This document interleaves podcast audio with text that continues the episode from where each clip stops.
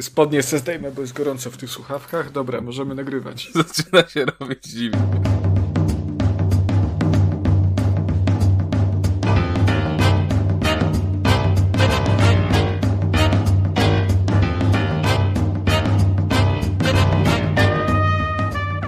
Ale raz mieliśmy taką serię, że w każdym epizodzie przepraszaliśmy, że nas długo tak nie było, że była taka... Poddaliśmy się w końcu. To na początku. Tak, to już, się, to już się stało memem, bo tak mieliśmy wyrzuty sumienia, ale potem stwierdziliśmy, że jak od czterech epizodów przepraszamy, to już chyba pora przestać. No. Dobrze. W takim razie możemy zacząć. Dzień dobry, witamy Państwa bardzo serdecznie w 24. epizodzie Trójkastu. Jest to odcinek niesamowicie wyjątkowy, e, z tego względu, że jest z nami dzisiaj Wojtek Polak. Dzień dobry wszystkim.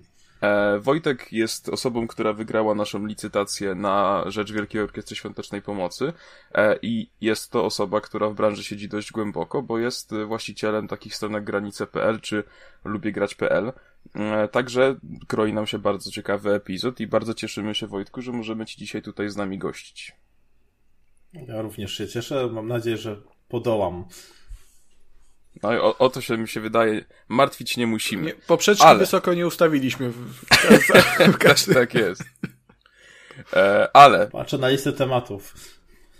Poza Wojtkiem, a oczywiście, jest stały skład trójkastu, czyli jest Konrad Noga. Dzień dobry, cześć i czołem, kluski z rosołem. Kuba Smola. Dobry wieczór Państwu zebranym tutaj u nas w studiu. Dobry wieczór redaktorze Kacprze. Dobry wieczór redaktorze Konradzie. I dobry wieczór redaktorze Wojciechu. Bardzo miło mi Was tutaj gościć. E, jestem również ja, czyli Kacper Cembrowski i również bardzo serdecznie Was wszystkich witam. E, dzisiaj w związku z tym, że epizod jest e, jak najbardziej wyjątkowy, nie będziemy e, korzystać z naszej magicznej szklanej kuli, a wykorzystamy temat podesłany, zaproponowany właśnie przez Wojtka. I porozmawiamy sobie trochę o CD Projekcie, no bo jest o czym mówić i, i niekoniecznie o blamarzu Cyberpunka, o czym już w naszym podcaście gadaliśmy chyba setki razy, tylko dużo, dużo więcej. E, także najpierw może Wojtek by opowiedział o tym, co się dzieje tam na giełdzie, że mimo tego, że jest, jest w teorii coraz lepiej, to giełda wcale tego nie oddaje, wręcz przeciwnie. To znaczy, no, cały czas patrzymy na to, że CD sobie leci, tak? I tak naprawdę niby wyniki dobre, niby zapowiedzieli i nową grę, i będą pracować nad dodatkiem do e, Cybera, chociaż dopiero w przyszłym roku będzie, e, ale nie jest to porzucony projekt, jak wszyscy myśleli. Fakt faktem, że zrobili tam ten e, mały fuck up z tym, że e, pierw napisali, że mniejszy zespół pracuje, później to poprawili, że większy zespół będzie nad tym pracował, e, a na giełdzie cały czas mamy spadki i w ogóle dla mnie to jest ciekawe, bo CD pokazał całej branży, mam wrażenie, że to, co oni zrobili z CD Projektem, e, przepraszam, z, z Cyberpunkiem, to po prostu jest najgorsza rzecz, która się może wydarzyć i właśnie przez ich wpadkę widzimy to, co się dzieje w ogóle na całym rynku, czyli e, wszystkie produkcje są e, przesuwane, e, chcą ludzie, żeby, były dopracowane, żeby to się nie powtórzyło, bo tylko jedna firma na razie powtórzyła sukces e, Cyberpunka, czyli Battlefield 5. Eee, I jak widać, oni też się powoli zaczynają ze wszystkim wstrzymywać. Eee, popatrzmy na tą komunikację, jaką w ogóle się stała po tym całym problemie z cyberem. Eee, komunikacja według mnie od deweloperów studiów całkowicie została obniżona, jest mniejsza, dowiadujemy się o grach dopiero naprawdę dopracowanych, takich, że oni są w miarę pewni, że to będzie dobry produkt nawet nasz rodzimy Techland wypuścił fajną grę, Dying Light 2, jak nie patrzeć, było fajną grą. E, a teraz komunikacji nie ma. Dopiero jak będą gotowi jakby z następnym DLC, to ta komunikacja się pojawi tydzień, dwa przed, mam wrażenie, i dopiero następne. I tak wiecie, mam takie wrażenie, że na tym rynku jednak tak wpadka z cybera może przynieść coś dobrego dla nas wszystkich graczy. Ja myślę, że jak najbardziej to jest droga, którą cała branża powinna pójść. Bethesda tak ro robiła od, od bardzo długiego czasu, na przykład Fallout 4 w zasadzie od momentu zapowiedzi do momentu premiery minęło pół roku około, bo został zapowiedziany na E3 2016 chyba i wyszedł na jesieni. Mm, także no to jest dobre dla graczy.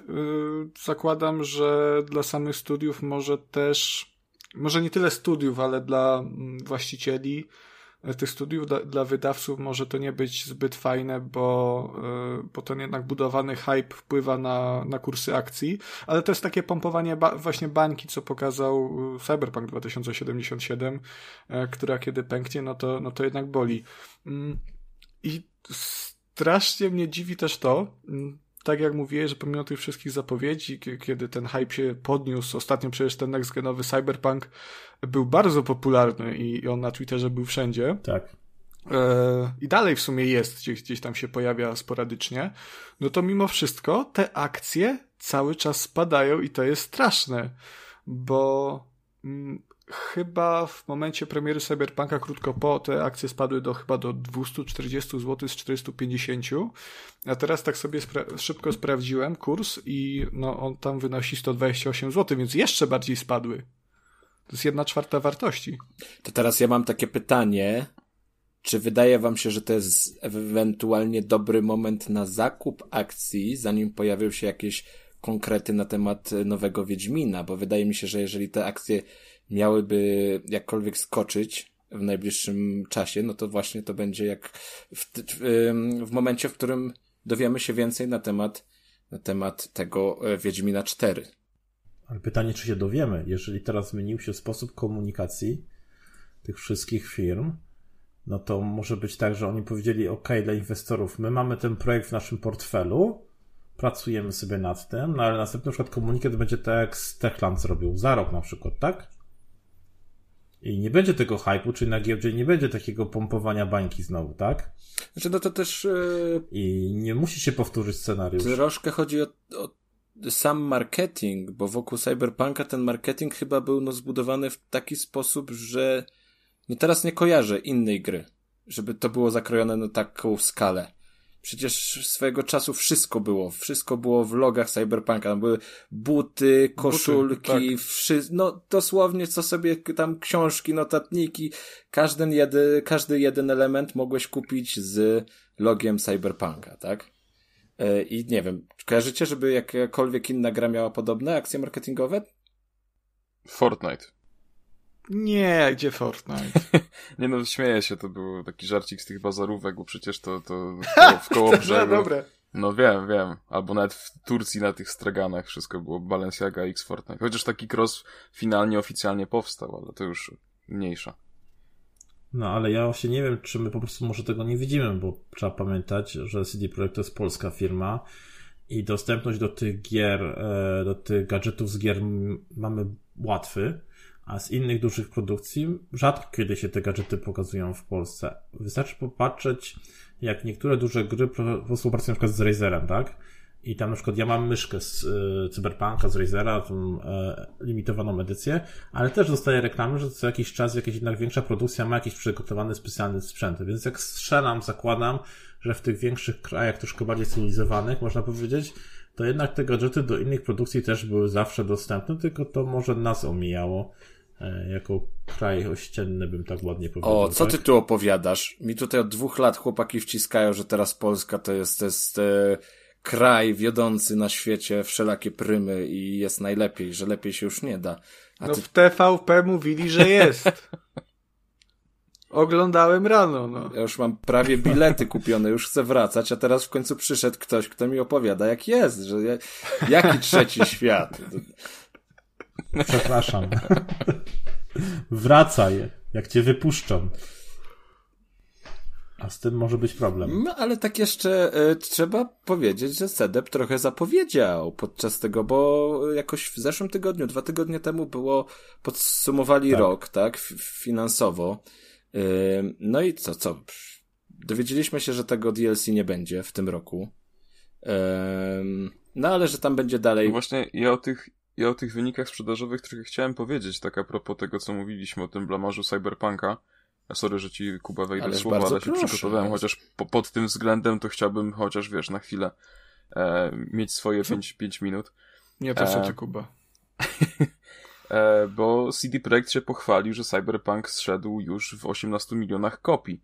E, co prawda, w dzień premiery zeszło 13 milionów, więc przez cały rok e, sprzedało się zaledwie 5.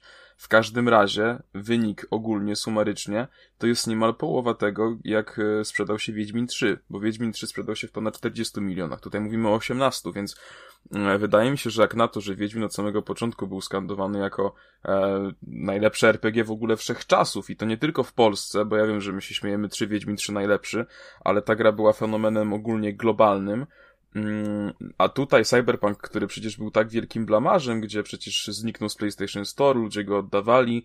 Mm, co prawda też wydaje mi się, że na te wyniki sprzedażowe też wpłynął fakt, że on przez y, dłuższy czas był dostępny za e, dosłownie grosze i można tutaj zażartować, że był dorzucany do płatków śniadaniowych, bo nieraz chodziły nawet po 5 dolarów ten, e, te, te, te, ta produkcja.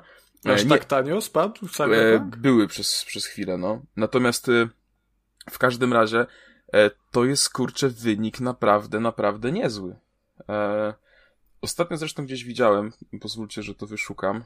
E, na Twitterze mi gdzieś mignęło właśnie ktoś zrobił zestawienie ilości sprzedanych polskich gier.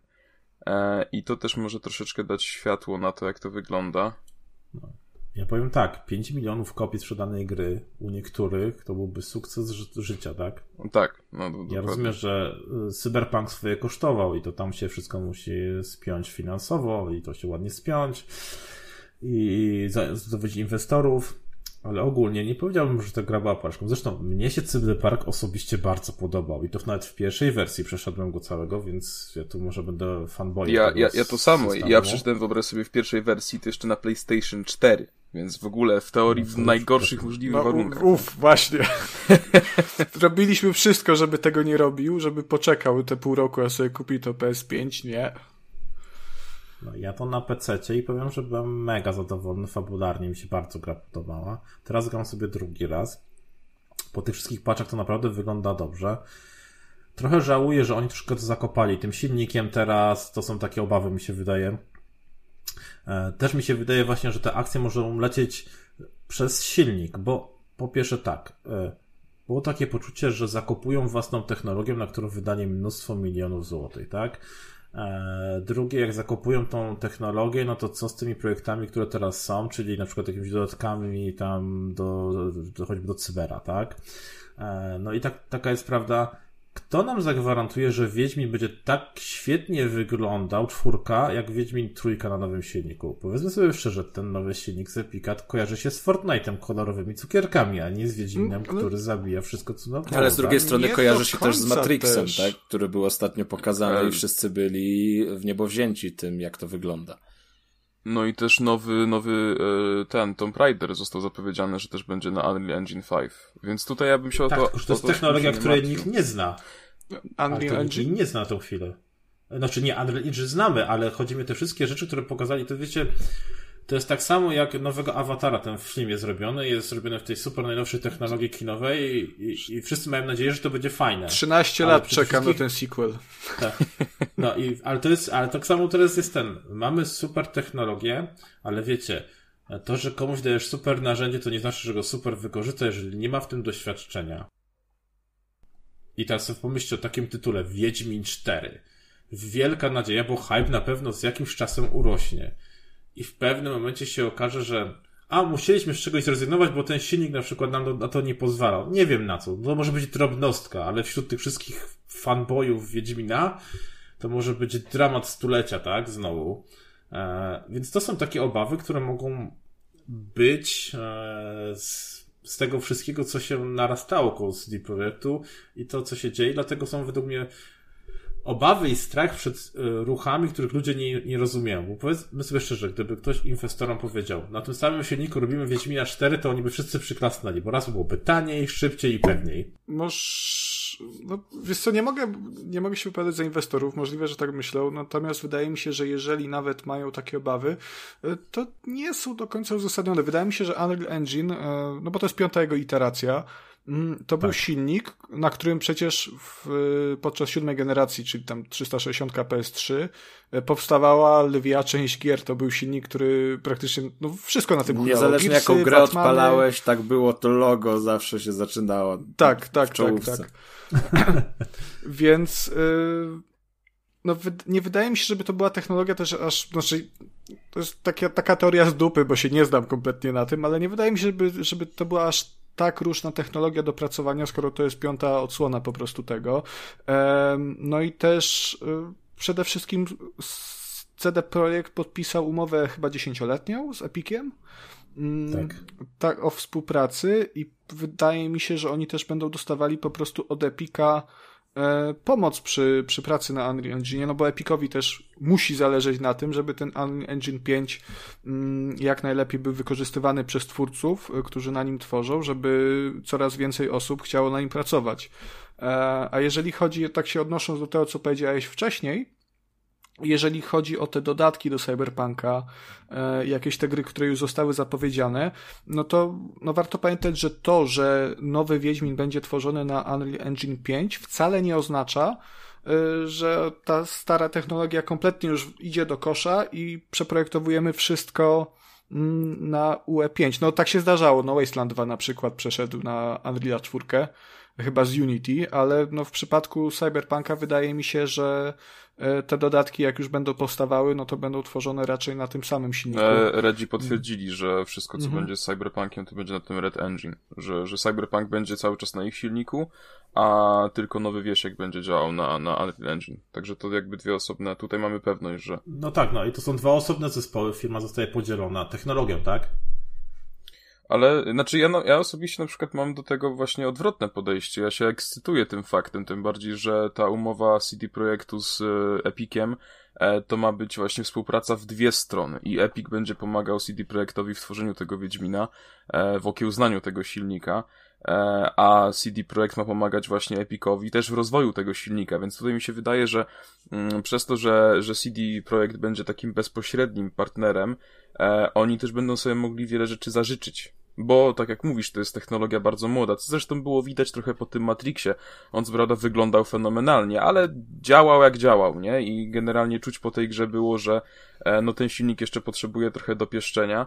Mm, ale... To nie była gra, no to była demo, no, no tak, się. No. Tak, ale tutaj mi się wydaje właśnie, że dzięki temu, że to jest otwarta współpraca, e, to CD Projekt też będzie mógł mieć swoje wymagania. E, z tego względu ja na przykład uważam, że to jest świetna decyzja i e, jakkolwiek ten Red Engine nie jest to na pewno zły silnik, to uważam, że jest trochę taki toporny momentami, I wydaje mi się, że ogólnie dla Wiedźmina dobrze zrobi takie, takie odświeżenie. Ja na przykład się bardzo ekscytuję wizją nowego Wieśka na, na Unreal Engine 5, szczerze powiem. Ale wiecie, co mi teraz wpadło? Przepraszam, że się wtrącę, ale to taka myśl.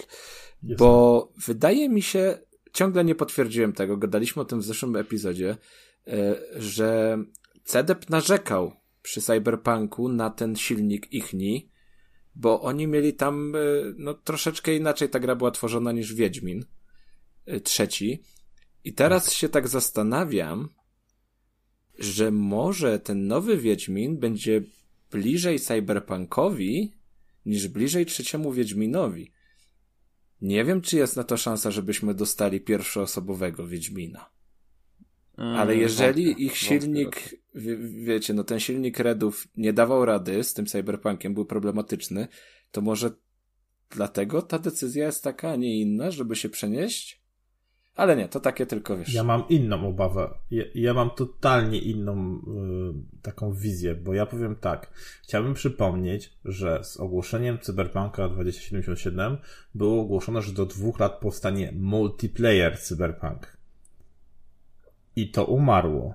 Było takie ogłoszenie. I patrząc się na możliwości nowego silnika The Pickup, czyli ten, czyli ten otwarty świat, który oni zaprezentowali w tym demie, czy oni nie będą chcieli z Wiedźminem w stylu bardziej otwartego MMO może świata? Albo jakiś mikro takiego, wiecie, multiplayer, coś w tym stylu? Na przykład jak Guild Warsy kiedyś były, albo że wiele światów, ale już może kilku graczy się spotkać. Nie wiem, bo były zakusy na grę sieciową i to dobrze pamiętam.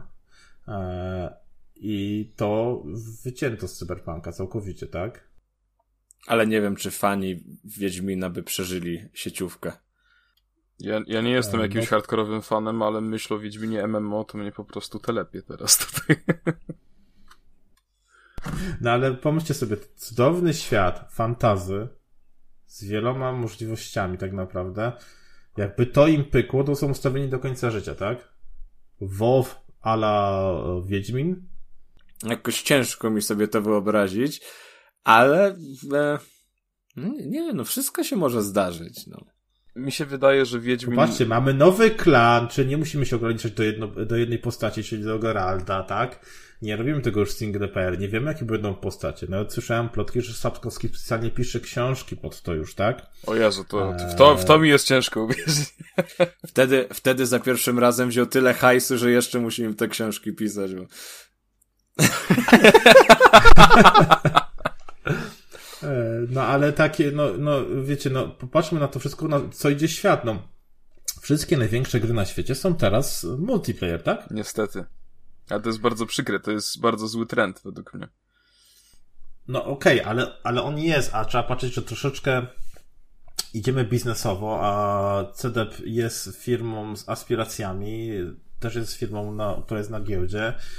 E, no nie wiem, no single player świetnie się niektóre sprzedają, e, no ale ta porażka i te wcześniejsze zapowiedzi, nowy silnik, nowe możliwości. Podobno netcode jest jedną z najtrudniejszych rzeczy w ogóle w grach. E, no może dlatego też te zmiany, tak? Teraz to mnie nastraszyłeś. Już nastraszyłeś mnie bardziej niż z tym powrotem do Polski. Dzięki. To... No przyjedź ratować świat. A... Wiedźmina ratuj, Kuba. Do Warszawy znaczy, jedź. No to też mi się wydaje, że oni nie pracują tylko i wyłącznie nad jednym Wiedźminem, tylko tam tych projektów pewnie jest rozkopanych sporo, sprawdzają różne różne opcje. No teraz mają dwie duże marki, bo ten Cyberpunk też już się stał no, rozpoznawalną marką. E, nie tylko przez te klasyczne tam RPG, ale po prostu przez ich grę. E, no i coś, no nie wiem, no może faktycznie prędzej czy później coś się pojawi takiego. Ale nie wydaje mi się, żeby to była główna odsłona też, nie? Bo jednak no Cyber, fu, CD Projekt jest znany przede wszystkim z gier fabularnych i ze świetnych scenariuszy i jasne, mogą mogą robić jakąś grę online, ale wydaje mi się, że to byłby raczej poboczny projekt, no bo też warto pamiętać, że no już Wiedźmin dostał i karciankę, i mobę dostał kiedyś. Także tam już wszystko było. No, niedługo może być Battle Royale przecież. Znaczy, no wiesz, no w... powiem tak. Eee... Jak się ta gra? Neverwinter nazywała się taka gra, nie wiem czy mm, pamiętacie. Tak, tak, Oj, tak, to jest tak. gra, której fenomenu nigdy to nie zrozumiem. To jest pff, abstrakcja dla mnie ten Neverwinter. Dobrze, do Neverwintera powstał mod, gdzie można było postawić własny serwer i można tam było prowadzić gry fabularne. Nie wiem, czy kiedykolwiek mieliście możliwość grania. Mm, to był taki serwer Bursztynowy Szlak się nazywał. Ale mówisz teraz o Neverwinter czy Neverwinter Nights? Neverwinter Nights chyba to mm -hmm. było, tak? No to było to pierwsze, bo eee. potem jeszcze po latach y, powstała, powstał MMO właśnie w świecie Neverwinter Nights. Znaczy to jest Forgotten Nie, to, tam, to, to było sieciowe, to był modem, pamiętam. I tam właśnie można było w ogóle takie sesje fabularne sobie przeprowadzić. Ja nie widzę przeciwwskazań, jeżeli ktoś by wreszcie to zrobił, że w MMO, zresztą w WoWie na początku też to było, że fabularny wątek był na tyle mocny, że w ogóle nie musiałeś się bawić w, w grupie, tak? Rajdy były takim rzeczą, którą tam zachęcała cię do bycia w grupie, ale tak w ogóle to pamiętam, że grałem w WoWa E, lata temu, no to te pierwsze powiedzmy 20-30 levelów to była czysta fabuła, tak?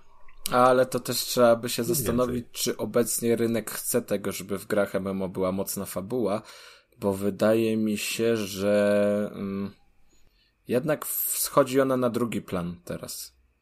Że to raczej. Ja tam bym chciał. No, tak, ty byś chciał, ale, ale jednak zastanówmy tak? się nad większością, tak? My o. byśmy dużo rzeczy chcieli, ale wiesz jak jest, no.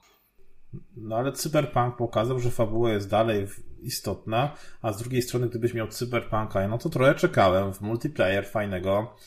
Eee, no właśnie, gdzie jest ten multiplayer do Cyberpunka? No, no, nie ma, nie ma, ale gdyby był, to mógłby być bardzo ciekawy, czyli takim, nie wiem, wojna gangów, coś w tym stylu jak w Division było, tak? Miałeś grę tak naprawdę single player, którą mogłeś przejść całkowicie, a chciałeś sobie pobawić się, to szedłeś do specjalnej strefy i się było PvP, tak? Mm, tylko nie jestem pewien, jak ten tryb multiplayer do Cyberpunka byłby popularny też tak naprawdę. bo o ile The Division no to jest gra, która była projektowana całkowicie z myślą o tym, no to do Cyberpunka ten multik byłby jednak takim e, takim trochę wciśniętym na siłę doda dodatkiem, umówmy się. E, był zresztą taki okres branży, to jest właśnie końcówka siódmej generacji, e, kiedy praktycznie każda gra musiała mieć jakiś komponent multiplayer. I, i takie tytuły jak Spec Ops The Line, E, Homefront, które no, to, to jakoś była różna oczywiście, nie, ale które jak, raczej były nastawione na rozgrywkę singlową e, i na tą fabułę, mm, no to te później multiplayerowe eskapady, one zazwyczaj sprawiały, że ta gra zostawała z martwym komponentem sieciowym. I ta takich gier było multum. I troszkę bym się obawiał, że z Cyberpunkiem byłoby pod tym względem bardzo podobnie. No chyba, że byłby no jakiś tak. mega, mega super. No takie historie też się zdarzały czasem. Znaczy, jak ja sobie ogrywałem tego singla, to nie widziałem miejsca na multi. W tej, w tej formie, w której on wyszedł wtedy, na premierę. A graliście kiedyś fabularnego cyberpunka, bo w gry fabularne, nie, że tak zapytam? Tylko w Dungeons and Dragons. Ja jestem fanem, mistrzem gry od 20 lat, więc trochę doświadczenia w tym mam. Widzę mnóstwo scenariuszów, które można było mieścić w cyberpunku dla kopa, tak? Już nie mówię, że to musi być multiplayer typu gracz versus gracz, tak? Mhm. Ale dla misji kooperacyjnych, czyli takich typowo fabularnych, które można by sobie poprowadzić w tego typu świecie, tak? Byłyby świetne, byłyby E, w szczególności, że nawet jak popatrzymy na umiejętności w cyberpunku, to mamy już trzy, czyli mamy e, Netrunnera, mamy tak naprawdę, e, później mamy Assassina i później mamy Solo, tak? Czyli możemy po prostu trzy rodzaje walki obrać, czyli możemy już trzy osoby sobą skomponować, żeby przechodziły jakieś na przykład poboczne misje, czy jakieś misje kooperacyjne. Ale to jest moja wyobraźnia tylko i wyłącznie, coś, co byłoby cudownym dodateczkiem, ale to był dodatek, który by ciągle przyciągał do tej gry. A to pyknijmy sobie jedną misję razem w Cybera, tak? I ciągle jesteśmy przy tej grze, tak?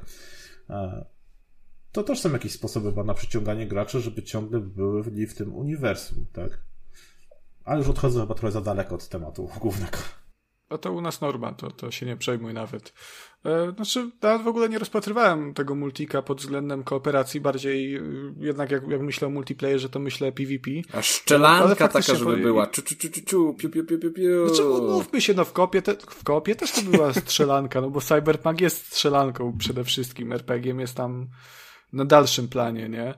E, no to mógłby być fajny koop, e, no to by było coś takiego trochę, wydaje mi się, jak nie wiem, jak, jak Jakie są jakieś fajne kopy na rynku, które nie są z zombie e, Dark Alliance. Dobra. Kiedyś fajny kop był w Battlefieldzie. Chyba w czwórce. Jak dobrze pamiętam. W czwórce był kop? Trójce. Czy w trójce może. Jezus, ja nie był pamiętam teraz. Na dwóch graczy. I, I był taki kop, że szło się z jakimś oddziałem, tam się oczywiście strzelało tylko dużo, ale powiedzmy, takie typowe fale, ale powiedzmy w Battlefieldzie. Było to przyjemne, na chwilę oczywiście, tak? Ostatnio w kopa fajnego grałem w tego nowego Aliena, tak? Eee, ale to typowa strzelanka, mm -hmm. tak? Eee, no ale powiem wam, że przy tym kopie siadłem sobie z kumplem Jakubem eee, i myśleliśmy, że pogramy godzinę, a przeszliśmy całe. Mm -hmm. Bo jednak kop ma coś w sobie, może czego nam, starym graczom takim jak mi brakuje, tak? Czyli prostej kooperacji, nie jakieś kombinowania, nie wiem, wiecie, gramy w PUBG, to zawsze się śmiejemy, że graliśmy w PUBG, to biegaliśmy 30 minut, później kulka w web i od nowa, tak? E, więc tryb szabrownika, co nas zbieram i może przeżyje, tak? Ale widzisz, Wojtek, tutaj, tutaj musimy poruszyć tego. podstawowy problem, którego ty nie masz, a my mamy i często o nim wspominamy. My nie mamy znajomych do wspólnego grania. To jest ten. Ty się świetnie bawisz, bo masz ekipę, a u nas jest tak, że my w gry kooperacyjne gramy, gramy sami. No. I tak to... Czekaj, bo ten, ten wątek będzie dzisiaj przy recenzjach po raz trzeci z rzędu poruszany przeze mnie. e, Dobrze, ale... Znaczy w sumie, w sumie zagrałbym, tylko no, nie... mówię, raczej, raczej wydaje mi się, że to by wyglądało troszkę jak taka, tak, taki typowy koop y, strzelankowy. Mm. I też nie wydaje... No, trudno mi jest uwierzyć, ja może jestem zbyt sceptycznie nastawiony do tego, ale trudno mi jest uwierzyć, żeby to miało y, jakąś taką dużo, dużą popularność. Nie mówię, żeby to nie było fajne, a tylko wydaje mi się, że to by podzieliło trochę losy Rainbow Six Extraction, które było Możliwe. w miarę popularne trzy miesiące temu, a teraz mam wrażenie, że już wszyscy o tym zapomnieli. Ale mówię, fajny sposób na DLC, przynajmniej jeżeli oni by chcieli je wypuszczać, wiecie, dodatkowa misja kooperacyjna i tak dalej, że jakoś tą grę rozwijać, to chcieli te uniwersum jakoś utrzymać, tak? Mhm. Ale to tylko taka, taki, taka myśl była e, do cyberpunka i do tego wszystkiego, co tam się odbywa. No ale tak jak mówiliśmy, oni ogłosili pełno fajnych rzeczy, super współpracę, firma cierpi, można powiedzieć, na giełdzie się wykrwawia. Ja też słyszałem, że było bardzo dużo odejść i teraz szukają nowych ludzi. E, Najbardziej chyba ciekawą dla mnie plotką był sprawa się Trogala, tak? Bo myślałem, że w ogóle jak oni zamiast Wiedźmina czwórki to powiedzą, no obraz, zmieniamy klimat, idziemy dalej fantazję, ale z Trogalem będziemy się walczyć. E, co byłoby super hype dla mnie, bo to jeszcze brutalniejszy świat niż Wiedźmin. E, no i bardziej fantazy, taki science fiction troszeczkę inaczej to poukładane, no ale Widzicie, tyle się działo tak naprawdę wobec tej firmy, a okazuje się, że biznes jej przestał jej w ogóle ufać. No ale jeszcze w tym roku mają wyjść od nich w sumie dwie gry. Jedno to ma być jakiś spin-off Gwinta, a druga to ma być jakaś e, gra bazująca na jednej z ich franczyz, tak to było powiedziane, które stworzy jakieś tam im podległe studio. Także jeszcze będą jakieś, no nie wiem, no pewnie to będzie Wiedźmin, no bo jakie jeszcze mają tam franczyzy, no. Cyberpunk. No. Ale film ma być Cyberpunka, tak? Jeszcze w tym roku. E, film? Tak, tak, anime. Tak, ma być, ma być. Mhm. Na Netflixie to ma być, tak? Tak jest. Tak, chyba tak, z Ale w ogóle e, Cyberpunk poza grami, on się super rozwija, bo cały czas widzę jakieś gdzieś w pisemkach recenzje komiksów, także no. Trochę. On w ogóle teraz zbiera dobre noty w ogóle. Wszędzie, cały czas. Gra czy, czy świat? Gra. Gdzieś zbiera jakieś. Ja widzę na Twitterze, co chwilę ktoś pisze, a w sumie skusiłem się, przeszedłem, zadowolony jestem, tak? No bo to była dobra gra już na premierę, tylko ona miała, była bardzo mocno technicznie yy, niedomagająca, więc jak już wyszedł ten next gen patch i wiele, wiele innych patchy, E, które powinno było się w tej grze znaleźć na premiery już tak naprawdę, no to to jest no, no bardzo fajna gra. No i też chyba za dużo mieliśmy obiecane po prostu i trochę było takie, wszystko tak. jest fajne, ale to jednak nie jest to, co nam obiecaliście. Za dużo myśmy sobie też obiecali. Tak, tak, tak. Hype Train pięknie działał tutaj. No, ale jak podsumowując to, ja mam tylko do Was takie ostatnie pytanie rozumiem, że odczuwacie w branży, widzicie to samo co ja, że e, świat spowolnił przez spadkę CDP. E, nie wiem ile, ile to jest sam CDP, a ile na przykład jeszcze COVID do tego dokłada. Bo to też na pewno przejście no, na tak, pracę tylko, zdalną że... odbiło się na branży. No niemożliwe, że nie. No tak, na pewno tak, tylko że nagle się okazuje, że COVID trwa już ponad dwa lata, powiedzmy niektórzy już go skończyli, niektórzy gdzieś go tam jeszcze mają, to wszystko się gdzieś tam toczy e, i albo branża jest tak słaba, że sobie w ogóle z tym nie poradziła, ale wiecie, e, dzisiaj było następne przesunięcie, a co, Baldur's Gate'a znowu przesunęli, tak? Trójeczkę. Czy tam to grę? No, na przyszły rok, na przyszły rok. A, na przyszły rok. No i, i, i oni teoretycznie grę mieli prawie gotową i tak dalej. Wiecie, ja już się śmiałem na Twitterze dzisiaj, że yy, czy w ogóle jakaś gra wyjdzie w tym roku, tak? No, co mamy Kangurka Kao teraz zapowiedzianego i koniec? Gadowor ma jeszcze chyba. A, Gadowor już był potwierdzony. No, ale potwierdzony nie był właśnie. Oni tylko, pojawiły się informacje w bazie danych PlayStation Store, że ma być w czwartym kwartale tego roku, ale to bym jednak nie brał za żaden pewnik, nie? No więc popatrzcie, jak ta branża, no to albo mamy tak, albo pandemia i brak organizacji wysadził w ogóle naszą branżę, nie? Albo jednak nasze e, wpadka naszego rodzimowego studia ostudziła wiele aspektów, bo uwierzcie mi, że mam wrażenie, że ta sprzedaż to była jedno, ale to, co inne firmy widzą, co się dzieje z spółkami na giełdzie, E, na giełdzie z CDP-em, to może być dla nich horror, bo kwestia na przykład pozyskiwania inwestorów, tak? Czyli teraz e, jak przekonać inwestora, że on w ciebie zainwestuje grube miliony, kupi cię, a ty tak naprawdę e, zrobisz taką wpadkę jak CDP i stracisz 50% swojej wartości w przeciągu niecałego roku. Ja myślę, że to jest jedna, jedna ze składowych. Na pewno ta sytuacja CDP-u na to wpłynęła, ale w ogóle w zeszły rok, jeżeli chodzi o gry, był pełen w takich fuck-upów. no Battlefield, y, Call of Duty Vanguard nawet, które mimo, że było spoko, no to, no to też się nie sprzedało. Przynajmniej nie na standardy serii. No nie spełniło GTA nieszczęsne. No GTA to była w ogóle klapa. O nie, no to już nawet to, ale to, to, to nawet nie jest gra, powiedzmy sobie szczerze. Chociaż, no. chociaż GTA to jest problem, bo ono się sprzedało zajebiście mimo wszystko. E, także mo ludzie mogliby złe wnioski z tego wyciągnąć, inwestorzy i, i, i wydawcy. Mm, także no nie wiem, no te ostatnie dwa lata w branży to jest po prostu no fuck up za fuck upem i, i, i same problemy, no bo ta, e, ta pandemia, ten, ten cyberpunk, te kolejne nieudane gry w zeszłym roku, teraz jeszcze wojna. E, także no, no, no nie jest wesoło, no to wszystko się składa.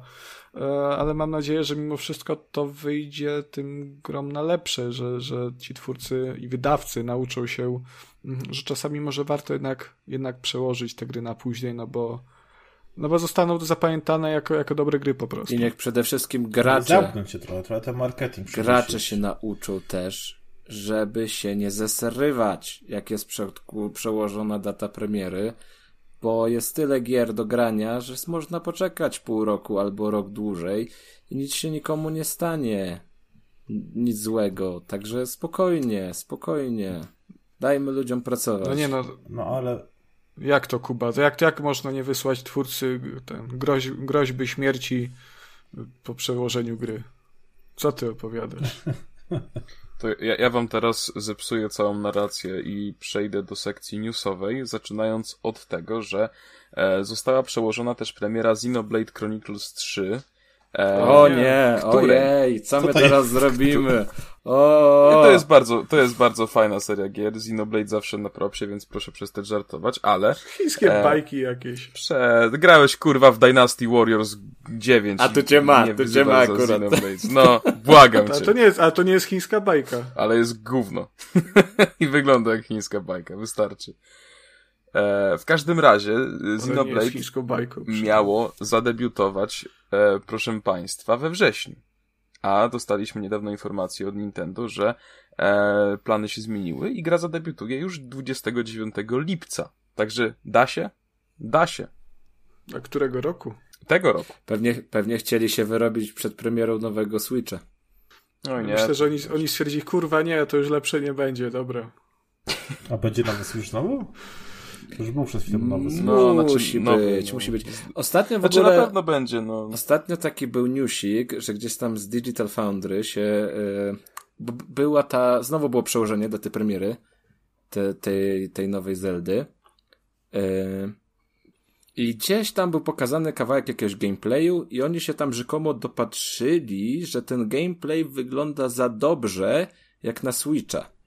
Także może się potwierdzać to, o, co, o czym gadaliśmy w poprzednim epizodzie, że e, ta nowa Zelda Breath of the Wild 2 pojawi się na, na Switchu i już na nowej konsoli.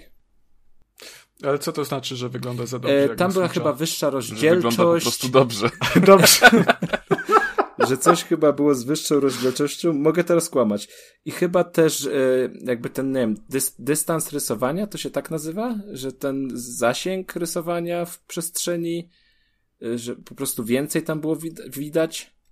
Ale wiesz co, no nie wiem, no bo jednak twórcy się cały czas przez, przez okres życia konsoli uczą tych, tych sprzętów i Jezu, no, no ale, nawet mm, mówię. Tak się uczą tych sprzętów, że każda no, gra kolejna na Switcha działa gorzej niż te poprzednie. No dobra, ale to mówimy o tych, o no, Ale nawet nie indyka, indykarzach. Kirby, przecież Kacper ile narzekał na tego Kirby'ego. Jaka, jaka była pierwsza te Zelda, a Kirby? No to jest taka duża różnica? No dobrze, ale wiesz, ale spójrz sobie na przykład na tą moją ukochaną generację siódmą. No, zaczyna, zaczynaliśmy z takimi grami, nawet przy Sony zostańmy. Spójrz, jak wygląda e, przy Naughty Dog, jak wyglądało pierwsze Uncharted, a jak wyglądało The Last of Us. To teraz, jak to teraz mnie z PlayStation przepytujesz, jak ja... Pewnie obie wyglądały brzydko, no bo to PlayStation, no co ci mogę powiedzieć, no. No nie, no, no nie, no The Last of Us wyglądało w momencie premiery po prostu zniewalająco i to wyglądało jak nowa generacja, mimo że to wyszło na starą generację i nawet remaster wygląda po prostu przezajebiście. Yy, nie wygląda jak coś, co, co wyszło na stare sprzęty, nie? Do dzisiaj ta gra wygląda po prostu prze, przepięknie, no a początki tej generacji były takie e? Mm, także wydaje mi się... się w... Tak? Wtrącę tylko, że ale są pewne parametry techniczne, których nie zmienisz software'owo. To znaczy, ja wiem, do czego dążysz, bo optymalizacja w kodzie to jest podstawa, mm -hmm. ale na przykład takie coś jak rozdzielczość i to w Switchu, gdzie ma swój ekran, tak naprawdę, i, i tam są często prezentowane, to są zrzuty ograniczone techniką samą tym wyświetlacza, no to chyba wydaje mi się, że to jesteś w stanie poznać. Znaczy, no nie, no na wyświetlaczu pewnie będzie w 720p latało, nie? Ale już na przykład po podpięciu do telewizora, ja nie mówię od razu, że tam będzie 4K, mm, ale no wydaje mi się, że no 1080p, no, no spokojnie, no to jest konsola, która powinna wy, wyciągać 1080p. Ale wyświetlacz, który tam masz, tego ci już nie pozwoli w tej obecnej generacji. No, ale tak? tak, tak, w samej konsolce tak, tylko pamięta, pamiętajmy o tym, że to jest konsola hybrydowa i, i no ja na przykład na Switchu gram przede wszystkim e, aha, chociaż ale to Kuba musi powiedzieć, czy to była w kontekście handhelda, czy w kontekście A, podpiętego do doka. Kuba wie, bo Kuba robił ten... E... Kuba wiedzieć, Kuba teraz mówić. Tak. Nie mam pojęcia, no no wiesz, to też nie był gameplay, gameplay, tylko no, ale... to był wycinek jakiegoś gameplayu, który gdzieś tam się pojawił w, wyłącznie przez chwilę w trakcie ogłaszania tego przełożenia premiery. Znaczy słuchajcie, prawda jest taka, że już jest świńska pora, żeby pokazać nowe Nintendo, bo z całym szacunkiem do tej marki, natomiast no e, Zelda Breath of the Wild, która otwierała rozdział tej konsoli, już była na nią po prostu za mocna. E, ten Kirby chociaż był prześwietny, jest prześwietną grą, to działał też e, jak działał. E, więc wydaje mi się, że no jakby przyszły rok, maksymalnie początek 2024, e, to jest ostatni dzwonek, żeby Nintendo nie wypadło z obiegu, bo ja wiem, że ten Switch sprzedaje się świetnie i tak dalej, no ale gracze też ślepi nie są i znosić też tego dłużej nie będą. A w przypadku Zeldy mi się wydaje, że to jest idealna w ogóle e, właśnie okazja, bo mm, Zelda już, jeszcze jedna część, pamiętam, przed Breath of the Wild też była czymś, co wyszło na, e, jakby zakończyło jedną generację, jednocześnie otworzyło drugą. Nie chcę rzucać tytułami. Twilight Princess. Właśnie. E, I to samo było z Breath of the Wild. E, w międzyczasie na Switcha dostaliśmy tylko tak naprawdę ten remaster Skyward Sword i jeszcze tam było coś e, Link Between Worlds, ale to w ogóle była taka wersja chibi, nie? To co innego. E, ale takiej głównej serii nowej się nie doczekaliśmy. Więc wydaje mi się, że no, jakby już jest po prostu najwyższa pora na, na Switcha z lepszymi bebechami, tudzież, no, nie wiem, ko konsolę, która nazywa się inaczej niż Switch, ale wątpię, żeby od tego odeszli. E, więc y, no... A... Znaczy, wiesz co, nie, nie wiem, wydaje mi się, że trochę... Bo oni już próbowali z nazwami przy okazji Wii i przy... I Wii i Wii U potem były mylone przez, przez Wii U, Wii U. Wii U, Wii U. E, także no, to nie wiem, czy, czy raczej to oni nie odejdą od tego Switcha zamiast tworzyć na przykład Switcha U. E, Wystarczyłoby no, po prostu zrobić Switcha dalej, 2 nie? i to jest, to jest dla każdego to jest wystarczająco. Tylko ja jestem ciekaw, bo Nintendo raczej słynie z tego, że oni bardzo mm, lubią innowacje i to w każdym możli możliwym względzie, no bo y, chociażby w przypadku gier, mimo że te gry w zasadzie powstają bardzo podobne do siebie, to zawsze jest w nich coś innego, jakiś inny gimmick, tak samo sprzęty. E, no przynajmniej od tego, od, od Wii, nie? Zawsze coś tam jest takiego ciekawego, więc jestem ciekaw, czy jeżeli e, Nintendo będzie wypuszczało tą nową konsolę, to czy oni faktycznie tak bezpiecznie pójdą i, i zrobią no, tego Switcha Pro, czy może jednak coś zupełnie nowego. Wiesz Takiego, że nam co? majtki spadną. Wydaje mi się, w sensie wiem o czym mówisz, bo ostatnio w sumie taką normalną konsolą Nintendo, po prostu, którą podłączałeś, miałeś konsolę, pada i gry, to był GameCube. E, i, mm. I teraz wszyscy GameCube'a kochają, ale on się sprzedał tragicznie i przy premierze radził sobie bardzo źle. To jest y, jakby żadna tajemnica. E, potem faktycznie, no Wii miało te pilociki, więc to było ciekawe, tak? Miałeś zamiast pada, miałeś pilot. Pilociki. No, no, wiesz o co chodzi. Potem miałeś Wii U, który miałeś pada, który był tabletem rzekomo, nie? I jakby wiesz, w ogóle. Wow. No, super sprawa, nie? Super partia. Potem masz Switcha, Kurwa. który jest e, hybrydowy, e, który może być i, i stacjonarny, i przenośny, więc to też jest nowość. Ja co prawda pamiętam, że byłem mocno sceptycznie do tego nastawiony przed premierą, e, bo byłem pewny, że to nie będzie dobrze działało ani tak, ani tak. Trochę racji w tym w sumie jest, ale, e, a, ale jakby to działa aż tak źle, że, że działa dobrze. e, więc to się udało, tylko widzisz, to też jest tego kwestia, że Wii było e, ciekawym rozwiązaniem, ale to się jakby mm, szybko się zestarzało. Wii U było troszeczkę, troszeczkę nieprzemyślane. Właściwie Switch to jest ulepszone Wii U, z mojej perspektywy przynajmniej. Eee, no ale, ale Switch się przyjął. I to jest jakby coś, co właśnie graczy porywa, coś, co im się bardzo podoba. Więc pytanie, czy jest sens wymyślać jakieś cuda na kiju, e, jeśli masz już, e, jakby wiesz, wszystko po prostu pod tę konsolę przygotowane, ludzie to pokochali, sprzedaje się zajebiście. Wszyscy mają e, kartonowe zabawki w domu. super sprawa. Tak, chyba, że kupiłeś OLEDa, to już karton za 200 zł się do, do niczego nie nadaje, bo konsola jest minimalnie większa.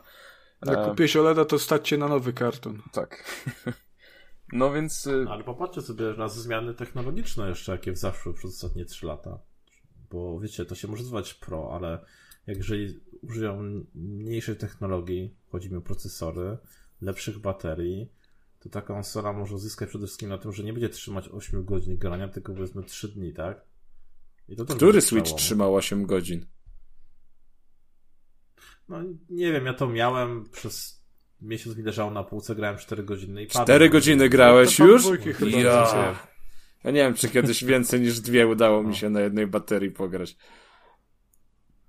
A ty masz którego? Czy ty masz no, V1 czy tak, V2? Nie, ja miałem tą pierwszą, ja to miałem pożyczone w ogóle z jednej redakcji, więc e, w Diablo na tym testowałem, ale ogólnie rzecz mówiąc, no to jest, e, wiecie, chodzi mi o to, że technologia się na tyle zmieniła, że wy myślicie, że to się musi cały sprzęt zmienić, ale wystarczy, że bebechy w środku zmienią, to naprawdę. Nie, nie, to, to się nie, wyglądowo w ogóle nie musi różnić. Nie, nie o to chodzi, nie, bo y, bardziej mnie interesuje y, sama podejście do tematu Nintendo, nie, bo jeżeli chodzi o nowe konsole Sony i Microsoftu, no to sprawa jest jasna, nie, no PlayStation wyda po raz 50 to samo, i, no, i po prostu wrzuci wyższy numerek. Xbox po drodze się wypierdoli, bo stwierdzi, że E, będzie trzeba mieć Always Online DRM w konsoli i Kinecta podpiętego, ale to mniej więcej będzie cały czas ta sama konsola. No Nintendo jest mm. nieprzewidywalne po prostu. To tak, a Nintendo, praktycznie każda konsola Nintendo jest w jakiś sposób od przynajmniej od tego czasu GameCube'a jest w jakiś sposób inna. No odstaje od mm. normy, nie? Ale oni się no. chyba sami z tego wyścigu wypisali i oni właśnie chcą oferować Tak, tak, oni, oni, oni parę ładnych lat temu chyba stwierdzili, że nie są zainteresowani wyścigiem zbrojeń i to, I to widać, jest no, bardzo, te wszystkie... To jest bardzo dobre. Znaczy jednocześnie bardzo chujowe, nie? Bo oni jakby to...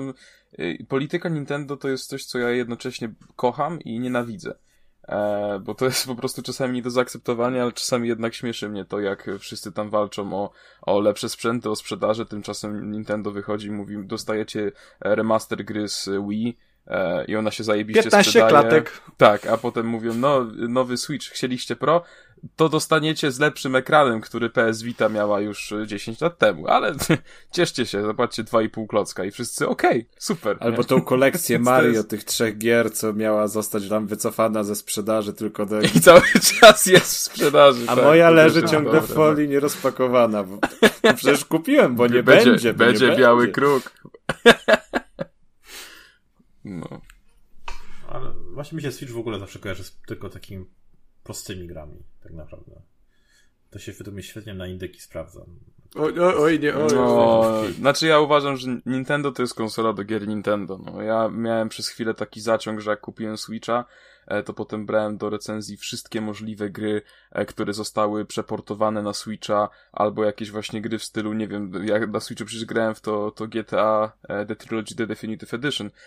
I to była chyba taki gwóźdź do trumny, bo potem zrozumiałem, że no kurwa, no nie, no Switch to się jednak po prostu do tego zwyczajnie nie nadaje i to jest konsola. Ona tam nawet, wie, wiecie, Zelda, która jest grą ogromną, e, no nie działała tam perfekcyjnie, ale działała nieźle, nie? A tutaj po prostu zwykłe indyki w postaci Road 96 potrafią działać e, no, zwyczajnie tragicznie, więc e, ja uważam, że Switch to jest super sprzęt, o ile masz e, kasę, żeby co chwilę sobie kupować nowe gry e, Nintendo. Albo kupić jedną i potem. No i to chyba ostatnia konsolą, gdzie gry można wymienić. No tak, nie? bo one w ogóle nie tracą na wartości. To możesz mieć grę pięcioletnią i wymienić ją na premierówkę, jakby wszyscy będą z tym git. Co ma swoje plusy i minusy, nie? Ale. No jest właśnie też to, co mówiliśmy wcześniej, że no Nintendo to, to po prostu rządzi się swoimi prawami, co jest piękne, e, ale też czasami krzywdzące. No bo nie ma konkurencji tak naprawdę, nie? No tak, tak. Ale To dobra. jest jedyna, jedyna konsola hybrydowa na rynku. I to dobrze, bo, bo jakby było więcej, to by się temat przesycił według mnie. Ja- No nie, no właśnie zajebiście by było, bo byś miał walkę o klienta. No o czym ty mówisz teraz? Ale nie jest tak, że to teraz będzie Microsoft teoretycznie, bo mamy tego Xclouda, to się nazywa, tak? Że Mhm. możesz grać tu, tu Tak, i tu, tak. tak. Więc powoli komóreczki się zrobią tak naprawdę, jeżeli to będzie działać wreszcie dobrze i te sieci będą dobrze dostępne, no to będą taką trochę przeciwwagą do takich wszystkich przenośnych konsol, tak? No, A Steam Deck trochę nie jest taką konkurencją dla Switcha teraz? No też jest w sumie, faktycznie. Troszkę cięższą konkurencją, ale podobno No ludzie sobie chwalą, ja tam gdzieś na Twitterze widziałem, że każdy jest zachwycony. Ale jakbym Nie na wiem, coś wydał tyle kasy, to też bym był zachwycony w sumie. Dobra. To znaczy, no ja uważam, że to jest taka fajna zabawka, którą można rzucić i zabić, tak? Jest to takie obronne jeszcze przy okazji. No. Znaczy troszkę za duże mi się te konsole wydają. To znaczy ja kiedyś bardzo dużo latałem samolotami, a zresztą chyba też i, i fajnie mieć coś pod ręką, ale nie żeby to zajmowało pół Przecież masz tak? świetne gry na pokładzie w tych telewizorkach. Mhm. Najlepszy, najlepszy to jest poduszka Drink, to taka najlepsza gra, prawda? W samolocie, no ale... Ale powiedzmy. Dobra, przechodząc dalej, e, w styczniu pojawiła, pod koniec same stycznia pojawiła się informacja, że It Takes Two ma się doczekać się ekranizacji, więc gra roku przecież zeszłego, która została obsypana wręcz nagrodami na The Game Awards i wszystkich innych e, tam, eventach growych. E, gra świetna. E, Cudowna. tak, bardzo, bardzo fajna, bardzo y, urocza, terapeutyczna i wszystkie e, synonimy tych słów. Mm, I była wielka batalia o to, kto się tą ekranizacją zajmie, no bo to gra głośna, więc, więc warto. Wygrał Amazon. Dostaliśmy No, informację. czyli kre- czarne krasnale będą w tekstu, zajebiście. Tak. e, I co ciekawsze, to właśnie w ekranizacji ma pojawić się e, Dwayne The Rock Johnson. E, Jako odkurzacz. nie wiem.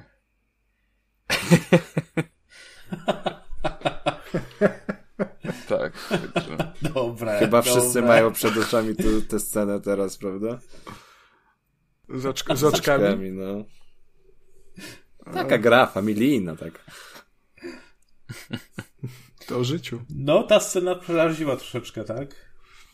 Bidny rok. Nie jest lepiej. No, Później jest ponoć gorzej właśnie, to o Słoniu coś słyszałem. Jeszcze tam nie doszedłem, ale o Słoniu słyszałem, że tam są, się dzieją dantejskie sceny. Ja trzech bossów zrobiliśmy z Tamerem. Więc no spoko, spoko. Jak ogrywaliśmy ten tytuł to razem, to... to Traumy, traumy nie ma. Według mnie świetnie gra zrobiona. Traumy nie ma. E, Także pr- najprawdopodobniej będzie na Amazon Prime Video. No nie wiem, co by się musiało stać, żeby było inaczej, więc pozostaje jedynie czekać na więcej informacji. E, I za e, produkcję tego filmu odpowiedzialny, odpowiedzialni będą ludzie, którzy stworzyli ekranizację Sonika. Czy to jest dobra informacja, to już zostawiam do własnej interpretacji. Uważam, że tak. E, ja chyba też. Mój syn ocenia Sonika wysoko. Teraz będą szli na drugą część, więc sądzę, że to dobra decyzja. No, Sonic bardzo dobre recenzje dostał, plus ważna rzecz jest taka, że twórcy Sonika pokazali, że oni nie boją się e, słuchać e, fanów. A tak, to jest Także prawda. no, to bardzo dobrze wróży, nie? Jak najbardziej. Bo tam zmienili tego Sonika, Tak, tak, tak, tak. Więc jakby rok jako odkurzacz wyglądał źle, to jest szansa na poprawę. E, tak, teraz e, powiem o czymś, o czym totalnie nie mam pojęcia, ale koledzy mi powiedzieli, że mm, trudno mam pecha i, ciężar newsa o World of Warcraft leży na moich barkach, więc WoW dostanie e, dwa DLC. Dragonflight, e, gdzie niespodziewanie będzie można latać na smokach e, i e, jakieś drugie, nie mogę teraz znaleźć nazwy. No nieważne. The Wrath of the... Fu, the Wrath of the Li- Lich King Classic. To jest... E, jakby, no remaster w, po, poniekąd. Powrót e, chyba trzeciego dodatku do Chyba drugiego. drugiego? Drugiego. Dru, drugiego, Ale drugiego, bo pierwszy był zdecydowanie najpopularniejszego i najcieplej chyba przyjętego i takiego najukochańszego wśród wszystkich fanów WoWa. No, potem już chyba równia pochyła była, nie? Nie grałem nigdy w WoWa, ale tak jak to obserwowałem, to no potem było tak, Do drugiej wszyscy dotarli, a później się już nie No, to chyba też troszkę chyba tak kataklizm, było. nie? Później był kataklizm. No i chyba później Tak. pandy były. Tak, to pandy jeszcze pamiętam, a później też mi się wszystko No zlewa i ostatni, kompletnie. w jaki grałem, to były pandy. Ja w ogóle nie wiem o czym mówicie. Pandy tylko kojarzę, bo ja pamiętam, że za dzieciaka w podstawówce grałem w coś takiego jak Panfu i potem jak gdzieś mi mignęły te e, pandy w WoWie, to miałem takie, o kurczę, to chyba jakieś Panfu bardziej rozbudowane. Czyli wiesz coś jednak o tym WoWie. Ale, Czyli, no nie, czyli wiem o kłamałeś, Panfu jak zawsze. Rodz- rodzice mi nigdy nie chcieli kupić e, premium do Panfu. Nie miałem takich fajnych koszulek jak moi koledzy w tej grze.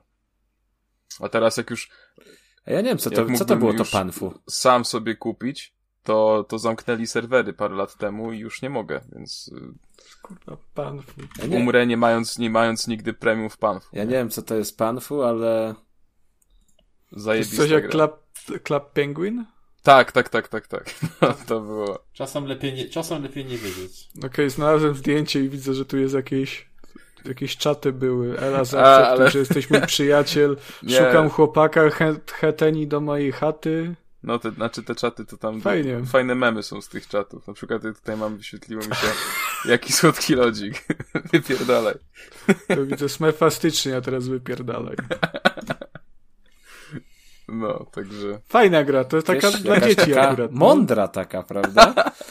Ja się bawiłem, ja się bawiłem doskonale na starym pececie u babci w chacie, nie? Było dobrze. Jak przeprowadzają to takie badania na temat szkodliwości gier albo pozytywów płynących z grania w gry, to właśnie zawsze te produkcje biorą na warsztat, żeby to jest tyle dobra, dobra z, z niej wychodzi.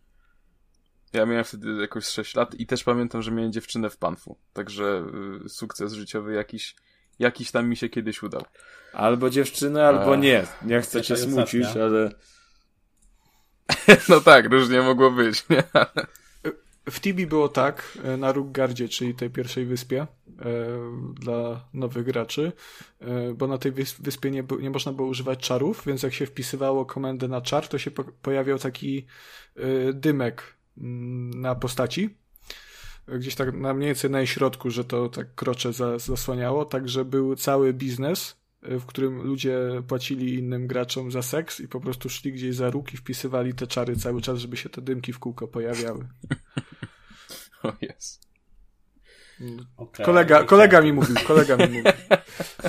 czyli to, to, to Konrad tak straciłeś dziewictwo, Wojtek, tak? To, to... witamy w trójkaście. Nie wiem, co odpowiedzieć. Może zamilknę. Jaki masz następny temat? Dobra, następny temat. E, Microsoft i Sony pracują nad bardzo podobną rzeczą, co jest dosyć niespotykane. A jednak, e, mowa tutaj o reklamach w darmowych grach. E, Więc od teraz, jeśli jakaś gra jest free to play, to w środku znajdziecie reklamy chociażby, jak tutaj jest na jakimś screenie, McDonalda. Więc, y, Ale to chodzi takie coś jak w, w aplikacjach mobilnych, prawda? Tych darmowych. no, coś takiego, co y, jest dosyć y, denerwujące, powiedzmy. W sensie, no, jakby Ale to jest tak, że oni będą pakować, czy deweloperzy będą łączyć, włączyć tą funkcję w grze, żeby zarabiać na tej grze? Mm, oj, tego powiem ci szczerze, że, że aż tak to się nie wczytywałem. No bo, tak jest przy grach mobilnych, prawda? Mm. Że ty jako deweloper. Nie, zdaje się, że tak, że to jest-. Że to jest właśnie, że deweloperzy będą mogli się łączyć z e, reklamodawcami i sobie w ten sposób na tej grze przycinać. A jeśli, jeśli to będzie tak, że w jakimś menu będzie jakaś reklama czy coś, to ja y, będę na to przymykał oko. Natomiast jeśli będą się pojawiały. Nie, nie, jakieś... Kacper, nie, mo- nie można, bo tak się zaczyna. Ale wiesz, chodzi o to, że jeśli potem będzie, będą jakieś właśnie wyskakujące reklamy, czy reklamy wideo trwające przez 30 sekund, no to ja wtedy już serdecznie podziękuję i e, na, takie gry nawet free to play, no będą po prostu mnie od siebie odrzucać. Zresztą, Ale wiesz jak to... To model biznesowy będzie inny, to znaczy, że później ci zaproponują za 5 dolarów likwidację reklam. Bo ci się gra spodobała, czyli na początku nie będziesz atakowany reklamami, później się powiedzmy wkręcisz po 20 minutach, gra ci się podoba, reklamy ci zaczynają już przytłaczać, no to kup wersję premium za 5 dolków.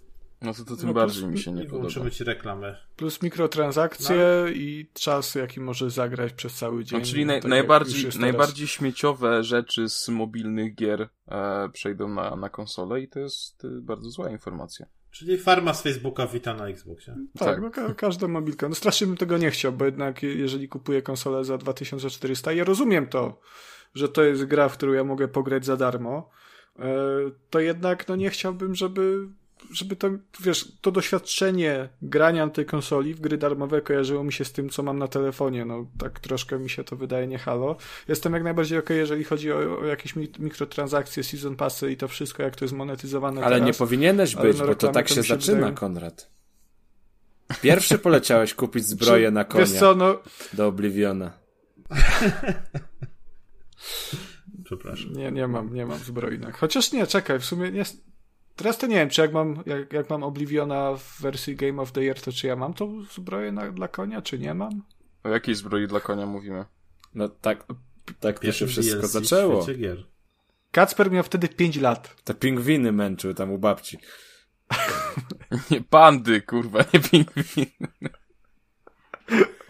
Zbroja dla konia jest uznawana w sumie za, za pierwsze DLC, jakie się pojawiło, czy po prostu jest pierwszym DLC e, do Obliviona, do Elder Scrollsów. Mogłeś za tam chyba, Pierwszym płatnym, co Y- nie? Pierwszym płatnym DLC. tak, znaczy, ja wiem, czy pierwszy Ale, płatnym, czy w ogóle mnie to mniejsza o to, nie? Ale a w każdym, no płatnym na pewno. Mm, I ono dodało tylko zb- zbroję dla konia? Czy Tak, no to, to... była tak, taka nie czysta pamiętam, kosmetyka chyba, pięć tak? baków. Tak, to nie nazywajmy tego DLC, bo to trochę takie... no to jest DLC. Ale nie, nie, nie, to, to jest DLC, bo popatrz nawet na Cyberpunka, że w DLC niektórych, które ogłaszają, dodawali kilka ciuchów. No więc- to jest świętokradztwo. Nazywanie DLC. Znaczy to, to, się, to się składa, z, bo to jest dodatek cyfrowy do gry, tak? No, nic więcej. A nie, nie jest określone w, jakby to powiedzieć, w teorii, i czy to ma być duży, mały, średni. To może być 5 pikseli, tak? Bo no- no to jest dodatkowa zawartość, którą musisz pobrać. E, Z tego co rozumiem, jeżeli chodzi o mikropłatności, to ta różnica jest taka, że te, to już masz w grze, tylko musisz zapłacić za odblokowanie. Czaje. Dokładnie. Dobra. I Dokładnie. ostatni news. Ale jeszcze, jeszcze a propos Tak, tych reklam. Ja już. Jak e, moglibyście wykupić reklamę trójkastu, to w jakiej grze? E, w Panfu.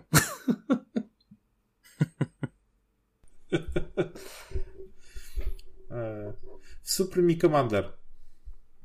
Ja, ja nie wiem. W Wiedźminie, o, tak po polsku, żeby było. No, myślałem, że powiesz, że w Battlefieldzie nowym. To co wyobrażacie? Wchodzicie do Wiedźmina, idziecie do Wiedźmina i na karczmie zamiast logo tam, nie wiem, karczma pod zabitym dzikiem, e, McDonald's, Jezus, restauracja. ja wie, wiem, wiem, wiem, gdzie może, moglibyśmy umieścić y, reklamę trójkastu w grze. Mhm. Gdzie? Gothic 2, Oj Korinis? ten Herald, który stoi pod, y, pod strażą miejską przy targu i drze mordę. O, To żeby tam, uwaga, uwaga, mieszkańcy Korinis, słuchajcie trójkastu, nie? To by była wspaniała o antyreklama. na PC da się to pewnie zmodować.